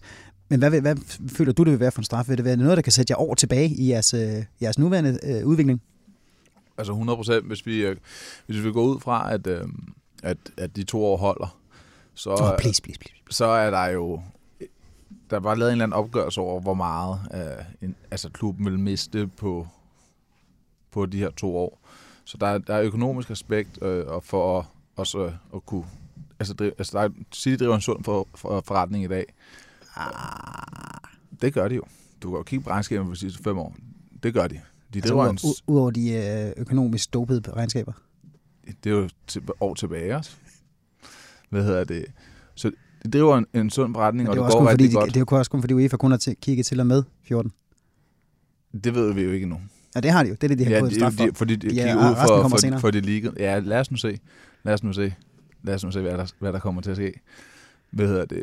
Jeg vil sige, at øh, der er jo nogle nøglespillere, som er i en alder, hvor at øh, man ikke kunne fortænke dem, at to års udlåse måske vil gøre, at det vil bremse deres karriere på sådan en måde, at de nok ikke ville opnå de mål. Altså nu tænker jeg for eksempel øh, De Bruyne. Nu har han så godt nok udtalt, at det ikke vil have nogen indflydelse på, på, på hans forhold til City, men lad os nu se, hvis de to år holder. Altså, der, der kan ske meget i, i, hvad man mener og hvordan man føler.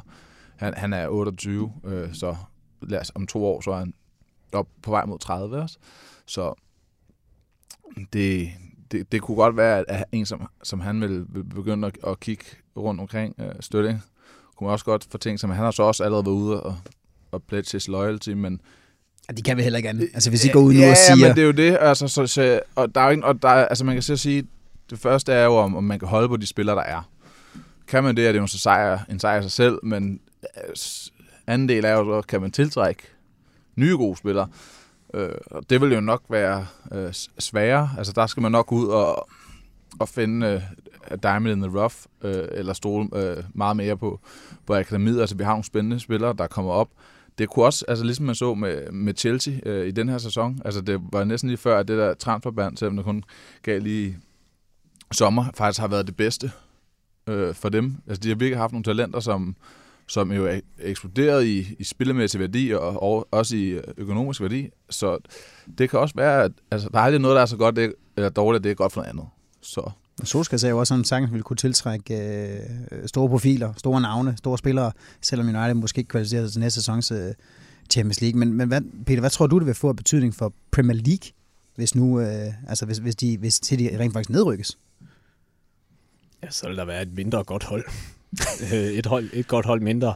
Øhm, og Liverpool vil have noget lettere at spille. Altså det er klart, det er jo en af favoritterne, når du tager ud af feltet. Så det er jo for, at du virkelig rystet toppen. Så det vil sige, at vi skal faktisk ikke have set ud for ligesom at have en modstander til Liverpool? Lige i øjeblikket, ja, har jeg da svært at se, hvem der lige øh, stepper op der. Så det vil jo først og fremmest være, være godt nyt øh, for Liverpool. Øhm, indiskutabelt. Jeg tror ikke, vi kan vi når City lige forløbig øh, alligevel. Og så vil det jo skabe, alt efter hvor langt ned de kommer. Altså, jeg tror ikke, det kommer til at ske, men det er sjovt at lege med en hypotetisk tanke. Altså, det vil da fandme nogle hold, der får tæsk i Championship i, i den sæson. Altså, det, øh, Auf. We're going down with a billion in the bank. Ja, ja det sang vi jo allerede for, oh, det var mange år siden efterhånden. Jo. Var det i 08 09, hvor I lå nede og, og rodede med der? Men det er klart, altså lige meget hvilken topliga du tager, øh, og så fjerner du et af de mest dominerende hold. Altså det vil selvfølgelig skabe utrolig store bølger. Det så vi også i uh, Serie A, mm. da Juventus røg ned. Yeah. Så det er, jo, det er jo et nyt verdensspil. Simon, jeg kunne godt tænke mig lige at hænge fat i den, du siger med, at, at, at, at, at, at, at du føler dig lidt, I føler lidt, om man ikke jagtet, men så at, at, at der er rigtig mange, som måske har undsluppet UEFA's lys øh, i, i UEFA's elite, tror jeg, det var, du kaldte den det ord. Øh, hvilke andre klubber mener du, udover Paris Saint-Germain, som er det åbenlyse eksempel, som vi alle sammen mener om? Jeg mener ikke, at hvem, andre skulle, hvem andre skulle UEFA så kigge på? Jamen, det er ikke så meget om, at der er andre, der undslå. Altså, jeg er ikke i tvivl om, at hvis man gik igennem alle øh, topklubbers øh, ledelse, private mails, så vil du finde en masse møg. Det er jeg slet ikke i tvivl om. Men det, jeg talte om, det var ikke, at, at, der, at de klubber havde slået på sted med noget lignende, ikke hvad jeg ved af, men der bliver taget hånd om dem, de bliver beskyttet af de her regler. Det er svært for, for andre klubber at komme op og konkurrere med dem, hvis, det, hvis du ikke de har jo allerede økonomien etableret. Det er ekstremt svært at komme ind i det lukkede selskab, hvis du ikke har nogen penge udefra. Altså, og, og det er bare sandheden. Øh, så derfor, og, og, de, sid, og de har jo siddet deroppe i mange, mange år, de har ekstremt meget indflydelse. Også i UEFA. Øh, så selvfølgelig bliver der, altså, I scratch your back, you scratch my back. Selvfølgelig gør der det. Øh, og, og det, der er jo også, hvad er det, han hedder, ham, øh, UEFA's øh, præsident. Det er sådan lidt russisk, ikke? Han var, han var ude og udtale i dag, at de allerede nu går i gang med at kigge på at ændre øh, Financial Fair Play-reglerne. Netop fordi, at der er kommet mere fokus på det her med, at det har lykkes at gøre, at øh, klubber er meget mere sunde øh, økonomisk, øh, og nu er man nødt til, nu er det sådan en anden tid, hvor at netop det her med, at, at der er den her lukkede top, som er beskyttet af de her regler. Så nu begynder de at kigge på, hvordan kan man ligesom øh, gøre det mere fair den vej. Så, så det er jo, der er allerede ved at ske en udvikling, forhåbentlig, altså det er også bare ord, det er jo tidligt i processen. De siger, at det, det vil de begynde at kigge ind i. Men, men, men det er det, vi mener, at, at, at der bliver holdt hånd over nogle andre, og så bliver der slået ned på nogle andre. Alexander Cheferdin, tror jeg, det udtales, han russiske øh, præsident, det er godt huske med, han russer. Jeg tror I, det her det er, det er starten på en bølge af klubber, der nu bliver grænsket af UEFA? Man kan håbe det. Men altså, det tror jeg sgu ikke. Det, jeg vil også sige, det er optimistisk at tro. Jeg tror også, det er bare, nu kunne de ikke gå længere, og så prøver vi at slå hårdt, og så som du ja. siger, så ved vi godt, at Kass kommer ind over, og så ligger det et sted, og så er alle glade, og alle tjener penge, og alle er videre. Desværre. Ja, ja altså det, havde de her øh, personlige og private mails ikke kommet frem, så var der jo nok aldrig sket noget. Og jeg tror lidt, det er samme scenarie nu. Der, der kommer ikke til at ske mere, eller ikke for andre klubber, mindre der sker noget lignende igen. Nej, vi skal have brugt ham portugiseren ud af fængslet. Mr. League der.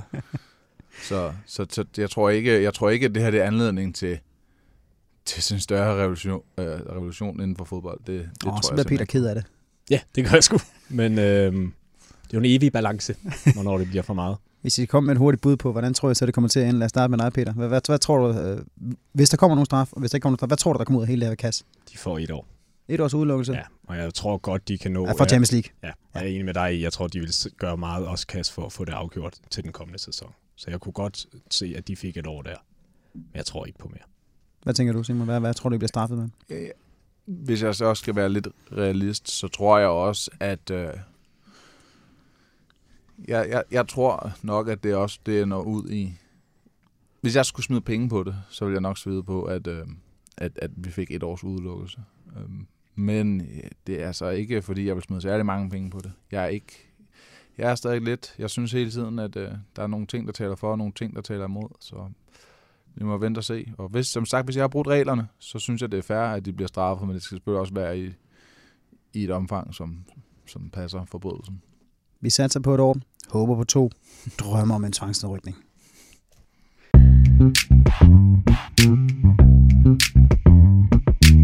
Og nu skal mine gæster så ud i den øh, fine disciplin, som er viden omkring Uniteds opgør mod vores kommende modstander fra Manchester City, og også lidt viden omkring begge klubber. Og formen på denne Arne Madsen-quiz er pære simpel. Fem spørgsmål.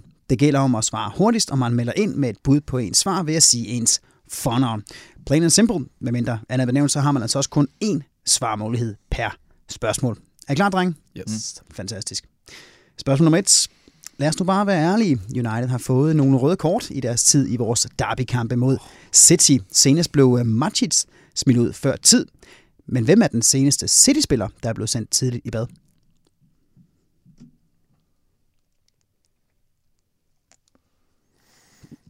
Uh ja, det er et godt spørgsmål. Der bliver virkelig grænsket der. Seneste City-spiller. Peter. Ja. Vi gætter på Company. Det er med et godt gæt. Det er nemlig rigtigt. Fedt. Kan du så også huske, hvornår? Nej. Nej. det kan jeg virkelig ikke. Jeg sad også og legede med tanken, okay, hvem er mest tilbøjelig til at få et rødt kort? Ja, det var i, uh, i vores uh, 3-2-sejr på Etihad, endnu en udbanesejr, ah, tilbage i januar 2012. Hvis vi skal til ligaen, Nå, så skal vi helt 12. tilbage. Jeg tror faktisk, vi sad og talte om ja, for to sæsoner. Det, det troede jeg nemlig også. Men der var han, der, han der ikke rødt kort. Men Nej, det, det, det giver god mening. I ligaen, der skal vi faktisk helt tilbage til december 2006, hvor Bernardo Corradi, kan I huske ham? Der var to, var to gule kort til sig, da United vandt 3 på hjemmebane. 1-0 til Peter i vores øh, lille quiz her. Så går vi til spørgsmål nummer to. Der er heller ingen tvivl om, at der findes mange mindeværdige opgør mellem de to Manchesterhold, og også med de røde briller, vi husker jo nok mest de positive, med for, positive fortegn, fortegn for os. Men desværre så kan vi altså heller ikke afskrive os fra at huske den famøse kamp på Old Trafford tilbage i oktober 2011, hvor City vandt med 6-1. I den kamp fik vi selvfølgelig også en mand vist ud, nemlig Johnny Evans, som fik kort, rødt kort, kort ind i anden halvleg.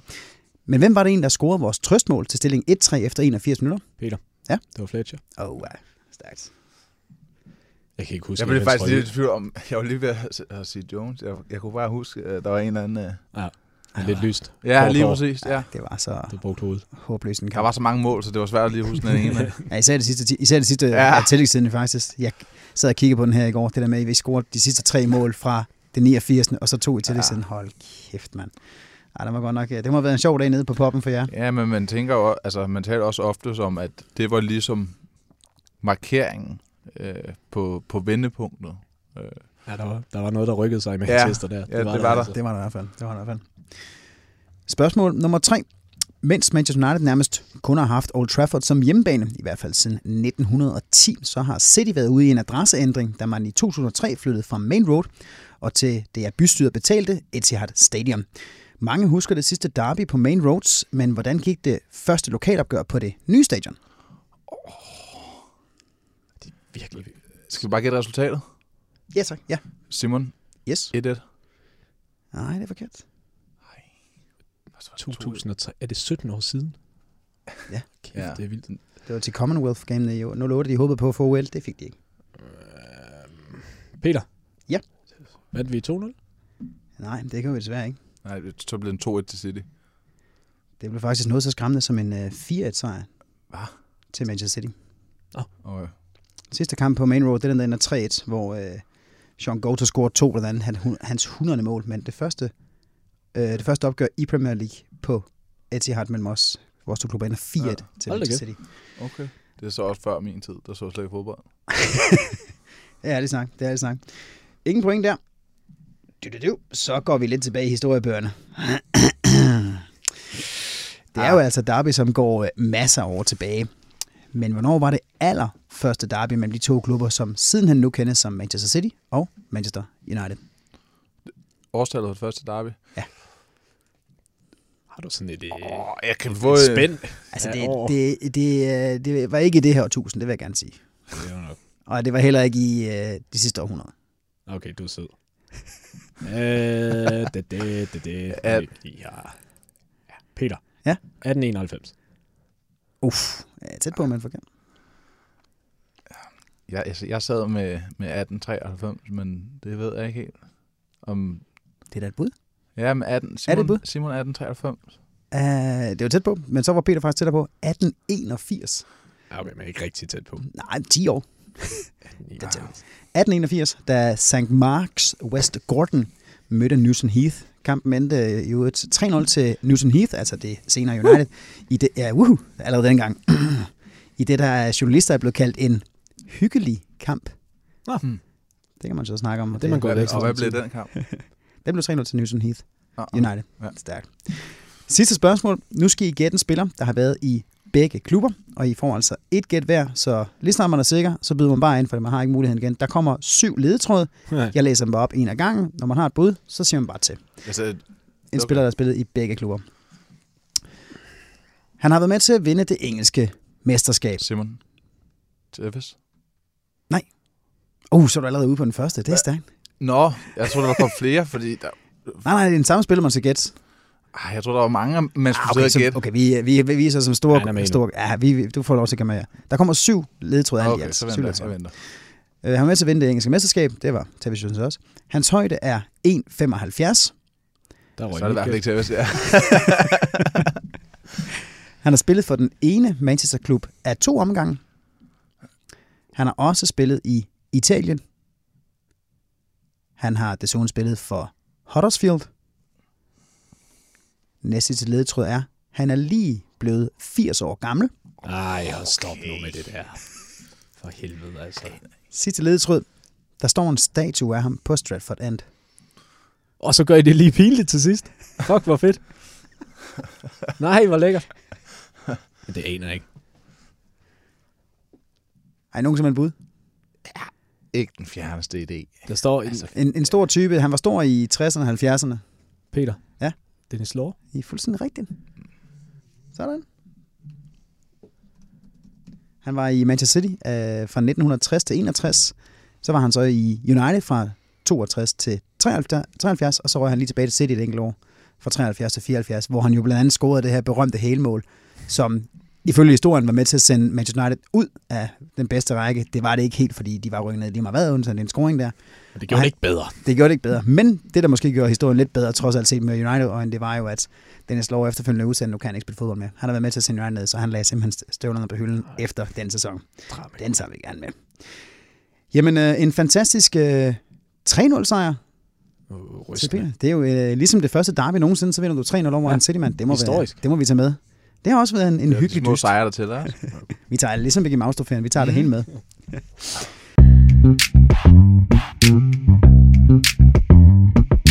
Nå, så skal vi så kigge på øh, de næste kampe, som Manchester United har på programmet, og også som I har på programmet City. Først så gælder det for vores vedkommende en kamp mod Derby, inden der altså er Derby. Torsdag skal vi møde Derby County på udebane i FA-koppen, hvor især en spiller ved hjemmeholdet nok kommer til at tiltrække sig en del af opmærksomheden, når vores tidligere anfører og den mest scorende spiller nogensinde til iklæde sig den røde trøje, Wayne Rooney, nu altså optræder for The Rams. Søndag gælder det så sæsonens fjerde møde mod øh, Guardiolas drenge, men øh, Peter først og fremmest kampen mod Derby. Hvordan bliver det at se Rooney for modstanderholdet? Det bliver, øh, det bliver bare fedt. altså, nu har han lige været over i USA, så man har vendt sig til at se ham spille i en anden trøje, og det er jo bare en fed type at få til at spille mod Manchester United, fordi du er oprigtigt interesseret i, jamen, altså, er han tændt? Det er han helt sikkert. Er han overtændt? Muligvis. altså, hvordan præsterer han? Super interessant. Jubler han, når han scorer? Ingen aner det. Altså, der er bare mange ting, og det er bare fedt at se, hvordan Rooney spiller fodbold. Så det, øh, det glæder mig faktisk til. Nu får vi jo ret mange uh, tusind fans på sæde på uh, Pride Park her. Hvordan tror du, de vil tage imod ham? som en helt. Jeg kan ikke forestille mig andet. Jeg synes ikke, han har gjort noget eller udtalt noget, som skulle have fået pisset United-fans af på nogen måde. Det, det kan jeg simpelthen ikke se. Altså, det, øh, ham tror jeg, at de vil, de vil hylde, og også uanset, hvordan kampens udfald bliver.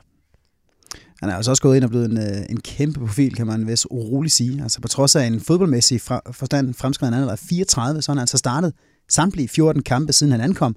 Han har altså fået fuld tid i alle, undtagen en, hvor han fik 74 minutter, og så har han altså bidraget med fire mål og en målgivende aflevering. Det er altså en masse rutine, og ikke mindst hans rolle som kaptajn, som han altså også har været i alle kampene. Øh, Peter, kunne vi ikke godt have brugt ham i United? Jo. Hvorfor fik vi ham så ikke? Fordi jeg tror ikke, Rooney var villig til at sidde så meget på bænken, som han ville skulle. Og det vil han skulle. Og jeg er også i tvivl om, Rooney vil kunne holde det niveau, han viser lige nu, hvis han ikke spiller hver uge. Og de ting, det, det kunne jeg godt have min... Altså, men hvis han havde været interesseret i at have en Juan Mata-lignende rolle, helt sikkert, absolut, men det var han jo ikke. Jeg tror heller ikke, han er den type, der skal sidde derude og, og, og rådne op. Så øh, altså, United startopstilling er, er han ikke god nok til, og han, er ikke, han vil ikke sidde på bænken. Du mener ikke, han er bedre end uh, Lindgaard og er og Marta, som blev øh, foretrukket meget? mere. Kan ej, ikke mere måske, men, men da han kom tilbage. Ja, men der var, altså, han var jo ligesom outet af, af Mourinho, havde fået, fået ligesom sagt, det bliver ikke med Rooney, jeg vil spille. Og der var hans det rute fra Manchester United ligesom startet. Og det jo- var jo et færre kald af Mourinho på det tidspunkt. Øhm, så har vi så ændret spillestil nogle gange, og nu ligger han jo på sådan en 10-rolle i Derby, som han jo også vil kunne spille for os, og i det seneste år vil han også kunne gøre det lige så godt, som den, vi har haft på den position, men det siger mindst lige så meget om dem, som det gør om Rooney. Øh, desværre. Udover The White Pelé, hvem skal vi så holde øje med hos uh, torsdagens modstander? Jeg er glad, du spørger. Siger han og tager sin telefon frem. Ja, præcis. Jamen, jeg har jo læst lidt op. Jeg ved ikke en skid om Derby, og der er ikke nogen, der har lavet analyser af dem, der lige var hurtige at læse i hvert fald. Du glæder dig også rigtig meget til Lars Glens. Ja. øhm, jeg har de tre op foran. Altså, de spiller jo sådan 4-2-3-1.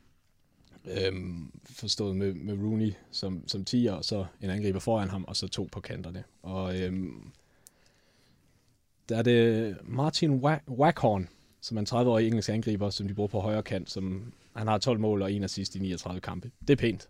Øhm, så er det Chris Martin helt på toppen, som klassisk 31-årig skotsk-engelsk center forward med 8 mål og 7 assist. Og åbenbart også en talentfuld sangstemme. tydeligvis. Coldplay-type. Øhm, jeg ved faktisk ikke, om man synger, men han scorer det. finder han forhåbentlig ikke ud af. og så vil jeg holde øje med Tom Lawrence, øh, som de har på venstrekanten. Valisisk landsholdsspiller på 26, 9 mål og 5 assist. Så det er ligesom, det er de fire forreste med, med Rooney som den bæreste af dem, som, som, som er interessant, fordi Derby, at de har jo Philip Cocu som træner, som jo har haft stor succes i PSV Eindhoven, og så skød han sig selv i foden i Fenerbahce, og nu er han så i Championship. Men han spiller hollandsk, og det er hurtig kombinationsfodbold, og det er frem over stepperne, og det ser ret pænt ud. Men det er fyldt med huller nede bag. Altså jeg tror, det ligger nummer 13 eller 14 i Championship, og har vundet 12, spillet 12 uger, gjort tabt 12. Målscoren hedder 46-49. Så det går fint den ene vej, og så er der hul den anden vej. Det minder jo sådan set meget om vores kampe i den her sæson her. Ja. Så hvordan, hvordan synes du, vi skal stille op? Skal vi øh, stille tæt på stærkeste til at vi har en, øh, en anden kamp her i, på søndag?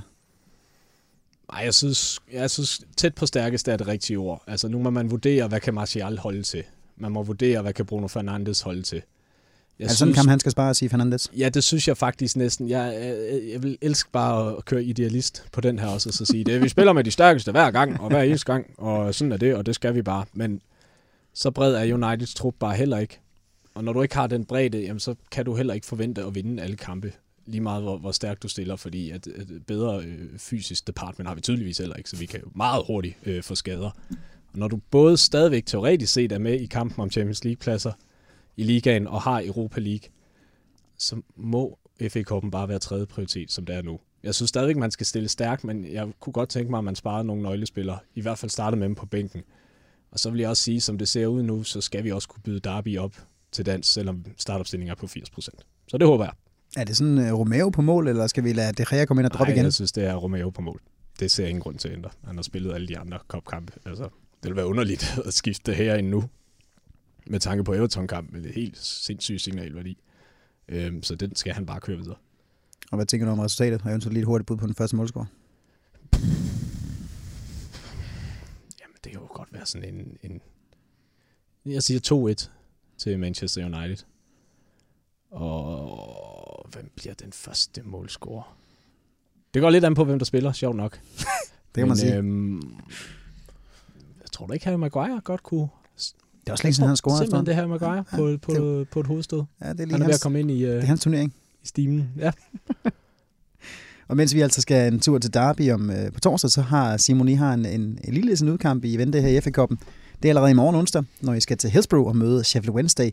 Et par hurtige ord om, hvad, hvad tror du, det bliver for en kamp for City's vedkommende? Jamen, øh, det bliver endnu en kamp med, med en del rotationer her fra, fra weekendens kamp. Øh, men i stærk opstilling. Øh, der kommer selvfølgelig til at være nogle, øh, nogle, nogle talenter. Jeg tror, øh, Garcia og, og Foden, de, de får i hvert fald øh, fuld, fuld spilletid. Øh, Bravo på mål. Der er allerede blevet bekræftet. Øh, Jesus fremme sammen med Størling. Han skal også lige ordentlig gang igen. Alle reserverne der, kan man høre. Nej, men altså, som sagt, vi spiller for at vinde hver turnering, og selvom øh, altså, vi har heldigvis en trup nu, 7-9-13, hvor det kun er Laporte og Sané, som ikke er øh, til rådighed, og de er inden for en forholdsvis fornuftig øh, hvad hedder det, tidsmæssig periode klar for holdet igen. Så, så det bliver nogle rotationer fra weekenden, men stadig et, et stærkt hold, og jeg tror da også, jeg tror vi vinder 2-0 på en forholdsvis uh, rutineret. Øh, Kedelig indsats. Ja, jamen, jeg, jeg er ret til, at det bliver sådan lidt cruise control. Øh, Sheffield Wednesday øh, har næsten samme øh, statistik som, øh, som, som, som, som, som Derby har, og, og øh, forskellen er så bare, at øh, faktisk Sheffield Wednesday har en af ligens dårligste øh, hjemmebaner, hvorimod Derby har øh, den tredje bedste. De har sådan set kun tabt to kampe på, på hjemmebane. Så jeg tror, at vi får en, en lidt, en, lidt nemmere kamp, det skal jeg på med at sige, men ud fra statistikken og, og sådan lige tilstanden af, af holdene, så, så tror jeg, at vi jeg vil være mindre nervøs som City-fan end, end som United. Ja, vi er sgu altid nervøse. Det er siden 2013, så det skal du ikke tage Men, det, det, det er forholdsvis, altså, jeg vil blive meget overrasket, hvis vi kører den hjem, men altså, det kan også være, at de laver weekend på os. Det ved man ikke jo. Åh, oh, det kan man også håbe, ja. ja, ja. Ben Watson der. Hvad, øh, nu får jeg så en ekstra dags hvile i forhold til os, som jo åbenbart kan være meget vigtigt, siger alle de store eksperter. Det har det med garanti også en lille betydning i hvert fald. Øh, men hvis vi så tænker, kigger hen på det her øh, derby, som venter på søndag øh, på Old Trafford. Hvem tror I går ind til den kamp mest ovenpå? Det gør Manchester City. Hvorfor? Det gør de, fordi at den sejr mod Real Madrid og en, altså, en pokalsejr, og det her øh, motivation i, at, at, at verden er imod os, det, det giver flere procenter, end Bruno øh, Fernandes gør til os. Mm. Ikke mange, det er to hold med, med pil opad, men, men pistolen for panden, hvem der har mest selvtillid, det vil jeg sige City. Men man kan så også sige, altså lige nu ja, men skulle øh, United gå hen og vinde 5-0 i morgen, og City taber øh, på sådan en grotesk måde, som vi har gjort før, så ændrer det jo nok lidt opfattelsen i forhold til, til, til på søndag, fordi der er jo ikke nogen tvivl om, at Uniteds måde at spille fodbold på øh, er, er ekstremt farlig for City. I, I har ekstremt hurtige øh, folk foran, og, og I, I, når I spiller mod City, står forholdsvis dybt og venter på, på jeres muligheder, og, og det gør I øh, med, med, med rigtig stor kvalitet. Så altså, vinder begge hold i morgen og torsdag, så, øh, som, som Peter siger, så, så kommer selvfølgelig, så City selvfølgelig med, med en kæmpe øh, selvtidsboost over, oven på, de, på en pokal og over at vinde over alt på udebane. Og I kommer nok sådan lidt med en fornemmelse af, at puha over Everton, men, men det betyder ikke noget i de her kampe. Altså, jeg, jeg, jeg, jeg tror ikke på, at det betyder noget. Det, det, det, det er så helt andet fokus, der er på sådan en kamp. Det, glem alt, hvad har foregået. Altså, glem UEFA, glem, glem alt det der. Det er lige så snart, at man træder ind på, på, på stadionområdet og, og begynder at tage det tøj på, så, så det, det eneste, der, der er vigtigt, det, det er, hvad der skal ske på banen, og så alt andet, det er glemt. Så er det game day. Ja, og, og jeg tror, at det, det kan blive fuld af fisk. Øhm. Jamen, det er, fordi, hvordan, hvordan tror I, det her, øh, det her derby på søndag kommer til at adskille sig fra de tre, vi allerede har haft i sæsonen? Jeg tror ikke, det kommer til adskillelse. Jeg tror, det bliver samme øh, kampbillede, som der lidt har været. Øh, det, og det bliver lidt, hvem rammer dagen? Har City held med deres øh, flow i angrebsspillet, øh, og, og, og det flyder, og det kører, så tror jeg, City vinder. Har de ikke det, og, og, og hvad hedder United skarper deres kontra, jamen så, så tror jeg, United vinder. Det, det, jeg tror lige pt, der er det også, hvem der rammer dagen, og, jeg, og man kan sige, at United er nok en lille smule mere tændt på at vinde sådan en kamp, i forhold til, at hvor de ligger i tabellen. Altså, vi ligger sådan, lad os bare sige, at vi ikke bliver udelukket for Champions League, så ligger vi jo super lun på den anden plads med, med syv øh, point og en kamp i, i hånden ned til, til Leicester. Så, og vi, altså, så vi kan tåle at tabe. Og Leicester er gået i stå. Ja, Leicester er gået i stå. Vi, kan, vi kan tåle at tabe og holde fokus øh, på, på de andre ting, men altså, det er ikke en kamp, jeg vil spille på. Det, det, det kan blive alt. Det kan også blive en altså en, en røvfuld. Øh, det, det kan blive mange ting, men... Øh, og det er altså lækre øre, ord af mine ører, vil jeg sige. Jamen, altså røvfuld til jer, mener jeg. Ja, okay, ja. så er det knap så lækkert igen. Hvad, hvad tænker du om kampbilledet på søndag, Peter? Jamen, jeg tror også, det bliver meget det samme, men jeg er også super enig i, at det er virkelig... Altså, jeg synes, det er så fortærsket en kliché, det der, at kamp kan have deres eget liv. Altså, det er sådan lidt, gud kan det røv. Altså, som om man sænker en, en osteklokke over det. Øh, men det har det her virkelig, og det har det i de seneste år virkelig vist, det har. Altså, det, det er nemlig bare at rafle, og så se, hvem der rammer dagen. Øh, for det er fuldstændig umuligt at forudse, og det er nærmest ligegyldigt, hvilke optagt holdene har. Altså, det lever virkelig deres, sit eget liv. Så det kan blive hvad som helst. Altså, vi kan sagtens få en ordentlig røvfuld, hvis de lykkes med deres ting, men vi kan også godt slå dem, hvis, hvis vi lykkes med vores ting. Og det er sådan svært at sige, hvor, hvorfor det pludselig er kommet ind i det, fordi det, det, det var ikke den følelse, du sad med under Van Hal eller Mourinho. Altså, der, der synes jeg ikke, det var det var så meget, altså der var City bare bedre og skarpere, men det, på en eller anden måde, altså det er jo kommet lidt med Solskær, og jeg tror ikke, han er den udløsende faktor nødvendigvis, men det, det er kommet til de senere, altså vi har en chance mod Manchester City igen. Det er ikke bare, hvor mange mål skal vi tabe med, og hvor lidt skal vi røre bolden. Øh, og det er jo fedt, men altså, hvis jeg skal, altså hovedet vil jeg stadigvæk sige, at den vinder Manchester City. Uh, altså, øh, Peter taler om, uh, hvor, hvor det kommer fra. Uh, nu har vi jo spillet øh, tre opgør i den her sæson, og alle tre opgør har været uden øh, Laporte, som unægteligt øh, er alt bag til hos os. Øh, og, og, og, og det er jo nok der, hvor at, at, man, at, at det gør forskellen. Øh, fordi at fungerer Citys øh, offensiv spil, så, så tror jeg ikke på, at United har et modsvar på det. Øh, men sådan som det er pt. i den forfatning, City er i, det er som nat og dag foran og bag til. Så fungerer det ikke lige 100% foran, så er der altså bare halvøjs åben bag i, fordi så taber de nogle bolde herop, som gør, at United spiller bare piu, piu, piu. og så er de kyniske, og de er dygtige. Altså, det skal man heller ikke øh, forglemme. Øh, især nu med, med Bruno. Altså, det, det vil være forfærdeligt at tage bolden midt på, på Uniteds banehalvdel, med ham til at fange den, og så spille den i dybden til whoever øh, kommer derned først. Det er ikke et fedt scenarie, og som man også så, øh, der var over på, på Etihad tidligere, øh, altså City skulle, var ret, skal ret glade for, at de ikke var, var bagud med mere end to mål der i de første 20 minutter. Altså, der var masser af kontrechancer, som lige så godt kunne stå 4 eller 5 0 Skud på indersiden af stolpen, mener også. Jamen, ja, og overlægger endda. Overlægger og så det en irriterende United-fan foran mig på, på fanstation. Jeg var nødt til at bede ham om at sætte sig ned. Han var virkelig irriterende.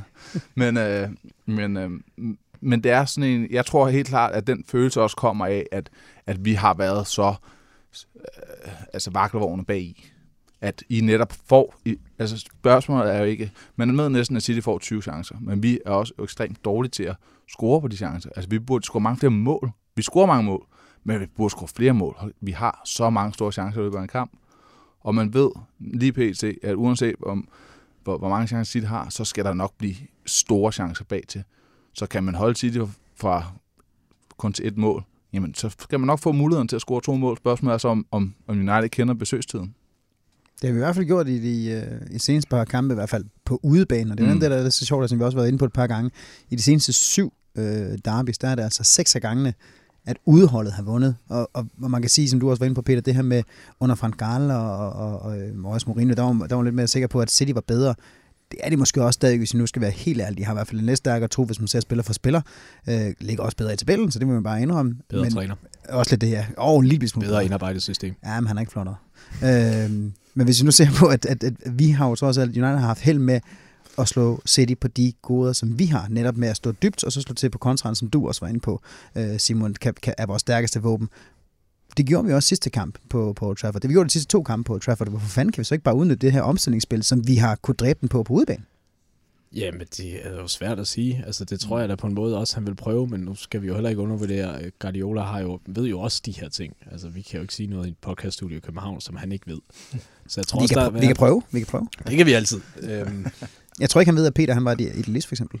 Nej, men at der, er jo, der er jo også nogle klare dynamikker, om du er på hjemmebane eller udebane, som mindre, både mere eller mindre bevidst påvirker spillerne, tror jeg. Så det kan også være noget det at gøre. Der er ikke så meget pres på et, på et udhold, trods alt.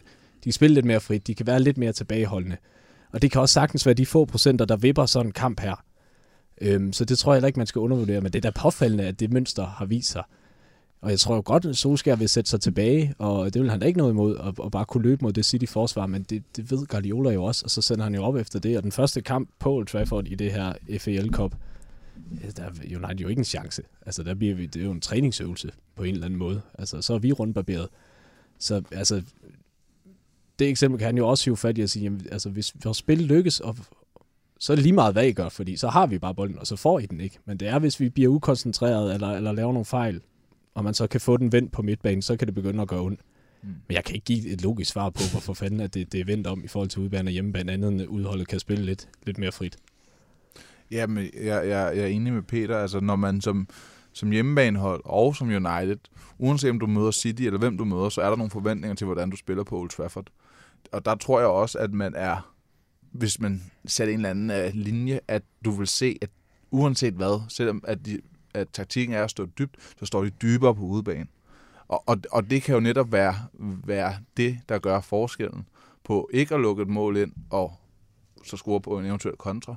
Øhm, og, og det tror jeg også, det, det, det er nok svært at gøre op med, fordi at du, du har altså hvad er det, 75.000 fans, som sidder og ikke har lyst til at... Altså, de har nogle forventninger til, hvordan United spiller. Og, og, og det er jo også fair nok, fordi United er, er så stor en klub, som de er. Så at de ser 11 mand nede i feltet på hjemmebane, uanset om det så var Barcelona, Real, City eller whoever, der kommer der, det, det gør nok ondt i, som fan. Øh, så derfor er, er spillet nok lige de der 5-10 meter længere fremme på banen, end hvad de måske egentlig ville have været på udebane. Og det kan måske være det, der tipper øh, hvad hedder det, tilbage til den ene eller den anden retning. Nu snakker du om tidligere, Peter, du var ganske godt tilfreds med det, som vores midtbane præsterede i kampen mod, mod Everton her. Hvordan synes du så, vi skal stille op her på søndag? Bliver det samme øh, opstilling som på, på Goodison? Det kunne være frisk, fordi det på en eller anden måde udnytter de bedste spillere, vi har. det jeg er i tvivl om, det er, hvor let Guardiola kan pille det fra hinanden. Det har jeg faktisk lidt svært ved, fordi jeg synes ikke, vi fik ikke mange som sådan omstillinger mod øh, Everton. Det var mere hurtig boldbevægelse på midten, der, der gav chancerne. Og der tror jeg, at City trods alt er stærkere på midtbanen, end Everton er. Øhm, og jeg kan ikke regne ud umiddelbart, hvad det giver bag til at have den opstilling. Den ser jo ok stærk ud, men jeg ved ikke, hvor meget... Altså, det vil jo give mening at lukke, lukke midten ned for et øh, Guardiola-spillende hold, men det er jo ikke på nogen måde ufarlige på kanterne.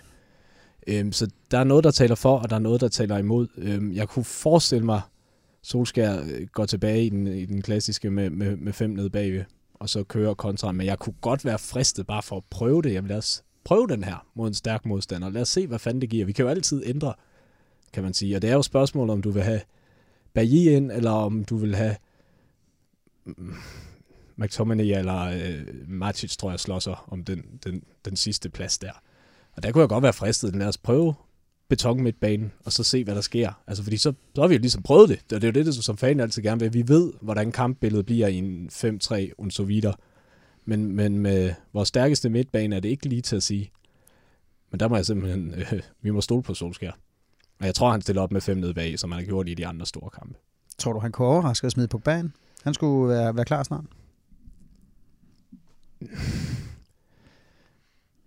Jeg, må, altså, jeg tror, jeg frygter, altså jeg har så lidt tillid til Ole Gunnar Solskær og hans forhold Du sagde lige, til, vi skulle stole på ham. til skader. Jamen det skal vi, men han har fandme også et sær måde at, at beskytte sine spillere på, øh, både i forhold til Rashford. Altså jeg vil jo mene, det er alt for tidligt for Pogba, selv for ham, at spille sådan en kamp her. Mm. Og problemet er, at det er jo ikke engang spørgsmålet, hvordan Pogba er fysisk. Det er også spørgsmålet, hvordan er han psykisk. Det er et spørgsmål om den dynamik, du har opbygget på holdet lige nu. Og så er der hele øh, PR-showet omkring det. Hvad er det for et signal at sende? Skal han så blive i klubben? Er det en fuckfinger til, hvem end han smider på bænken, som ikke har været ude og bedst på sociale medier? Altså, jeg kan se mange flere problemer, end jeg kan se mulige, øh, hvad skal man sige, plusser ved det. Så jeg vil ikke stå her og afvise, at han kunne finde på det, men jeg, jeg håber det virkelig ikke. Øh, så hellere lade ham komme ind med et kvarter igen, hvis han virkelig øh, kan nå at blive i form. Jeg kan ikke forestille mig, at han kan nå at blive kampklar til det niveau på så kort tid. Det vil være meget overraskende. I, I, spillede, øh, I spillede en ny formation her i, mod Everton også. I spillede med, med en... Øh, Diamant. med, en ja, med, med tremands øh, midtbane. Så var det, det var Fred, øh, McTominay og, Og Matic. Og Matic. Ja. Okay. Og så Fernandes foran. Ja, lige præcis. Og så på toppen havde vi Greenwood og Martial. Så I en spørgsmålet toer, var det? er i en tor. Ja. Spørgsmålet om du så sætter James ind i, hvis det er mod City, hvis de skal ud og løbe. Ja, Jeg kan man på Martin, Ja, ja, for er hurtigt klar jo. Og det ja også, lige øh, præcis. Fordi lige den formation, apropos hvad I talte om, øh, der er nul fedt. Altså, der går jo nok ind, som du også siger, Peter, og spiller lidt på Citys præmisser, fordi så er det umiddelbart at kanalisere bolden gennem midten. Det tror jeg ikke er den rigtige vej at gå mod City. Altså, I har jo netop forserne i den fart, de har foran, så det vil være mærkeligt ikke at gøre banen bred, øh, og så bruge Fernandes til at distribuere øh, boldene. Jeg vil blive overrasket over, hvis det var den opstilling, gik mod City. Altså, ikke fordi, at, at det, man siger med, mod godt hold, det giver bare ikke mening mod City som godt hold. Det kunne give mening mod nogle andre, som har mindre force midt i. Altså, det, når du ser på City spillere, når, når de ikke har klaret så godt, så er det jo netop fordi, at der har været hurtige spillere ud, ud på kanterne. Så det vil... Igen, man skal jo aldrig sige aldrig. Nej, nej, men men, altså- men det ville undre mig meget, hvis det var, hvis det var vejen, han gik, og det vil jeg ikke så, så, så er jeg rimelig sikker på at sige det venner, hvis det, hvis det var sådan en opstilling, de, de satte ind. Så håber vi, at Solskjaer er lige så øh, klog som Simon. Ja. På Citys taktik i hvert fald. Hvis han er så klog, øh, det kan- får vi jo selvfølgelig kun svar på her på, på søndag, men lad os lige slutte det her af med lige at få et, øh, et bud på resultatet, og først mål vi lade vores øh, gæst komme med sit bud først. Jeg tror, det bliver øh, en, en 1-2. Endnu en udesejr. Ja, det tror jeg. Hvem skal først? Det gør Aguero. Så vender vi den om og siger 2-1. Og Fernandes fortsætter. Begge kasser. Ja, lad os nu tage. Skal han, skal han score på et til straffe? Det er jo kun et, et mål på et frispil, han har lavet også. Jo, jo. Jeg tror, det bliver frispark. Uh, Og Twist. Det, det, en- Så får vi den klikket af også. Han klikker så mange gode bokse af. det var, han, det Så var vi en tilbage øh, god boksen. kanon, han, øh, han fik Ja, han spiller så meget godt. Ja. Fantastisk. Jamen, øh, vi går efter det sidste bud og siger, at det bliver en 2-1 sejr til United, og så vender vi stimen af ude, øh, udebanesejr, eller udholdssejr i den her, for den her omgang. Vi har kun lige et sidste punkt tilbage, og det er altså den, den del af udsendelsen, hvor øh, mine gæster i bedste rockstjernestil indtager scenen og gør den til deres egen.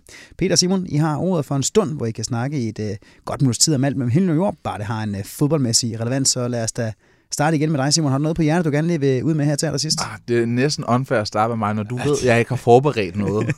øhm, Så god en podcast jeg har hver haft dag travlt også. på arbejde, men øh, jamen, øh, jeg har ikke lige en point. Lad mig lige tænke lidt over den til Peter lige er kommet med sin, så kan jeg lige få noget inspiration. Ja, okay, så får du lov til lige at sidde over. Hvad siger du, Peter? Har du så noget godt med? Ja, jeg har tænkt over mange forskellige ting, og vi skulle snakke lidt om Du kan give en til Simon. ja. Jamen, så kan han få lov at forklare mig, hvorfor Manchester United øh, skal sige ja til at blive købt af Saudi-Araber. Mm. Fordi det, øh, det er i hvert fald noget, jeg vil være meget imod. Øhm, vi bliver nødt til at snakke om vores anden midterforsvar, som ikke er Harry Maguire. Og der har vi simpelthen, som jeg ser det, en udfordring. Fordi vi har øh, tre at vælge imellem. Victor Lindeløf, øh, Bailly og Suren Sebe. Og det er bare nat og dag. Altså, Bailly er god til alt det, som Lindeløf ikke er, og omvendt. Øh, Lindeløf er en klog fodboldspiller, god på bolden, afventende. Øh, han mangler en masse fysik, og han har bare ikke fået den, og jeg tror aldrig, han får den. Og det, jeg synes, det er et problem i Premier League. Bailly, fysisk monster, øh, virkelig nærkampstærk og hurtig, hvilket også er godt, for det er Maguire heller ikke. Super uvenner med bolden, øh, laver nogle helt magværdige fejl. Man har mistænkt for nogle gange bare at sparke bolden væk, så han kan få lov at takle igen. Øh, kan virkelig lave nogle mærkelige ting, og så er han super fucking skadet rigtig tit, og det er Lindeløf ikke. Så er der Toren Sebe, som vi alle sammen går lidt håber på, fordi han kan lidt af det hele. Fysisk stærk, afventende, hurtig, god med bolden. Men han har spillet 10 kampe i den her sæson. Den her sæson, der skulle være hans store gennembrudssæson. Han har spillet 10 fucking kampe. Han bliver skadet før den, den største kamp i hele sæsonen mod Liverpool, hvor han går ud i fucking opvarmningen, øh, hvor de skal spille med tre midterforsvar. Der trækker han altså en skade i opvarmningen. Og så ser vi ham ikke igen før øh, senere i, i, i november, hvor vi spiller mod, mod Colchester. Han har lige haft lidt indhop før det, og der må han gå ud øh, efter en halv time, og så har han været væk lige siden. Det løber mig koldt ned ad ryggen med det der statistik, at han er i, på vej sådan bag i retning, hvor vi simpelthen ikke øh, kan stole på ham, og han kan være væk når som helst. Altså det bliver en spøgelsespiller på holdkortet. Jeg håber det virkelig ikke. Og jeg er ikke nok inde i skaderne til at vide præcis, hvad der kostede det. Det må Svante Vettergren lige stå for at opdatere folket for. Men det synes jeg altså er et problem. Fordi inden så skal man have de tre mand at veksle imellem. Hvilket vi gør nu, og som ikke lyder optimalt, ellers så tror jeg, at man skal ud og hente en ordentlig makker til Maguire, der kan det hele og ikke går i stykker. Øhm, og det synes jeg vil være super ærgerligt, men jeg kan ikke se den her situation er holdbar. Desværre. Øhm, så vi, øh, vi har også lidt Laporte-problemer over hos os.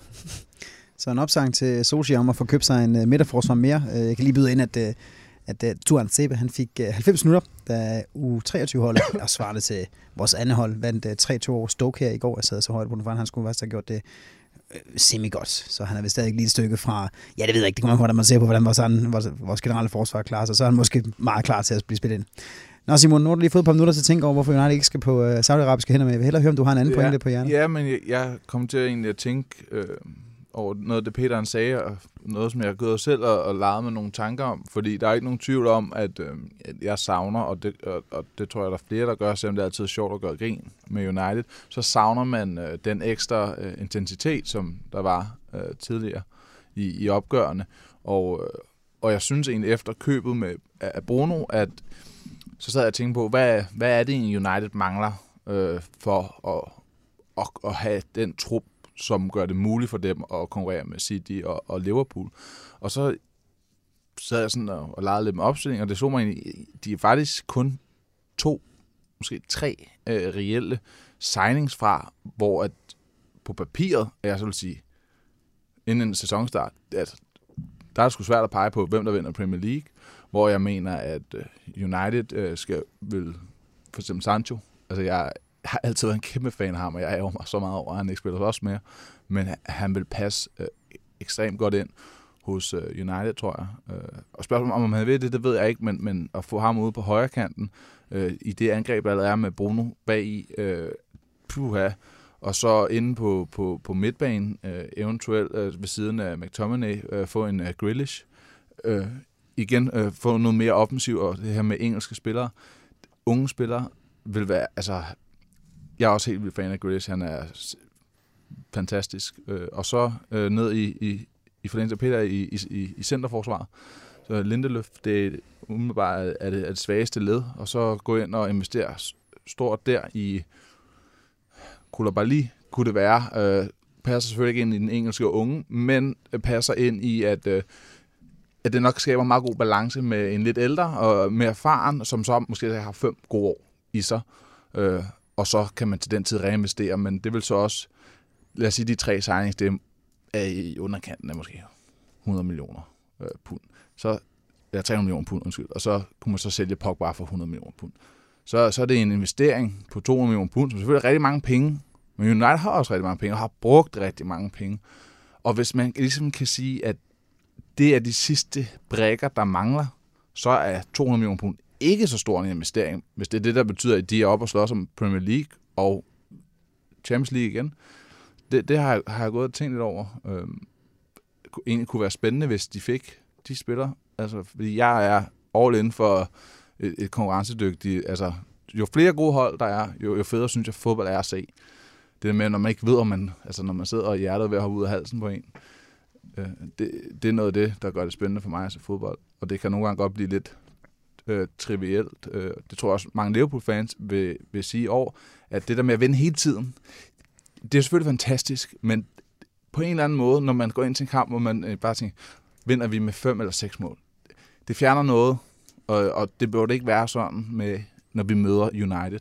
Altså, der, der, skal- der, skal- der skal man virkelig tænke på, at det er sådan en blod, sved og altså, grim kamp, og, og buha.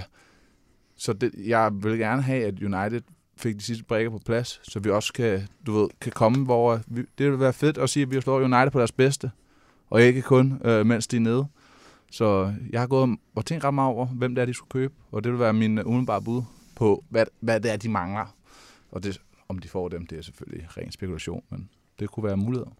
Så en City-fan, der ønsker det bedste for United med to ekstra signings, det synes jeg skulle er en, øh, en meget god afslutning på den her, øh, på den her podcast. her. Det var det sidste, vi havde. Men jeg skal selvfølgelig lige sige, at vi skal stadig slå jer, når I kommer tilbage. Jo. Det, det er meget vigtigt Ja, nu bliver vi meget bedre. Du du lige givet os to nye signings, så det skal nok blive rigtig fint. Det var det sidste, vi havde for, øh, for den her podcast. Jeg vil slutte af med at sige uh, mange tak for besøget, Peter Christensen og Simon Monsen. Det har været en for, kæmpe fornøjelse at have med. Mange Selv tak. Fedt, I var klar på den. En tak skal der også lyde til vores øh, quizmaster Arne Madsen, og selvfølgelig også en tak til jer lyttere, som for øvrigt jo altid er velkommen til at byde ind med spørgsmål, emner eller noget andet, hvis I ligger inde med det. Skriv til os enten på Twitter eller på Facebook. Vores podcast indbakke er altid åben. I næste uge er Jonathan Dam selv tilbage i værnstolen, men indtil da er det Niels O. Tinesen, der siger tak for jeres tid. På genhør. Come on United. Og igen i den anledning. Fuck off, Sete. Skide godt, dreng. Ja.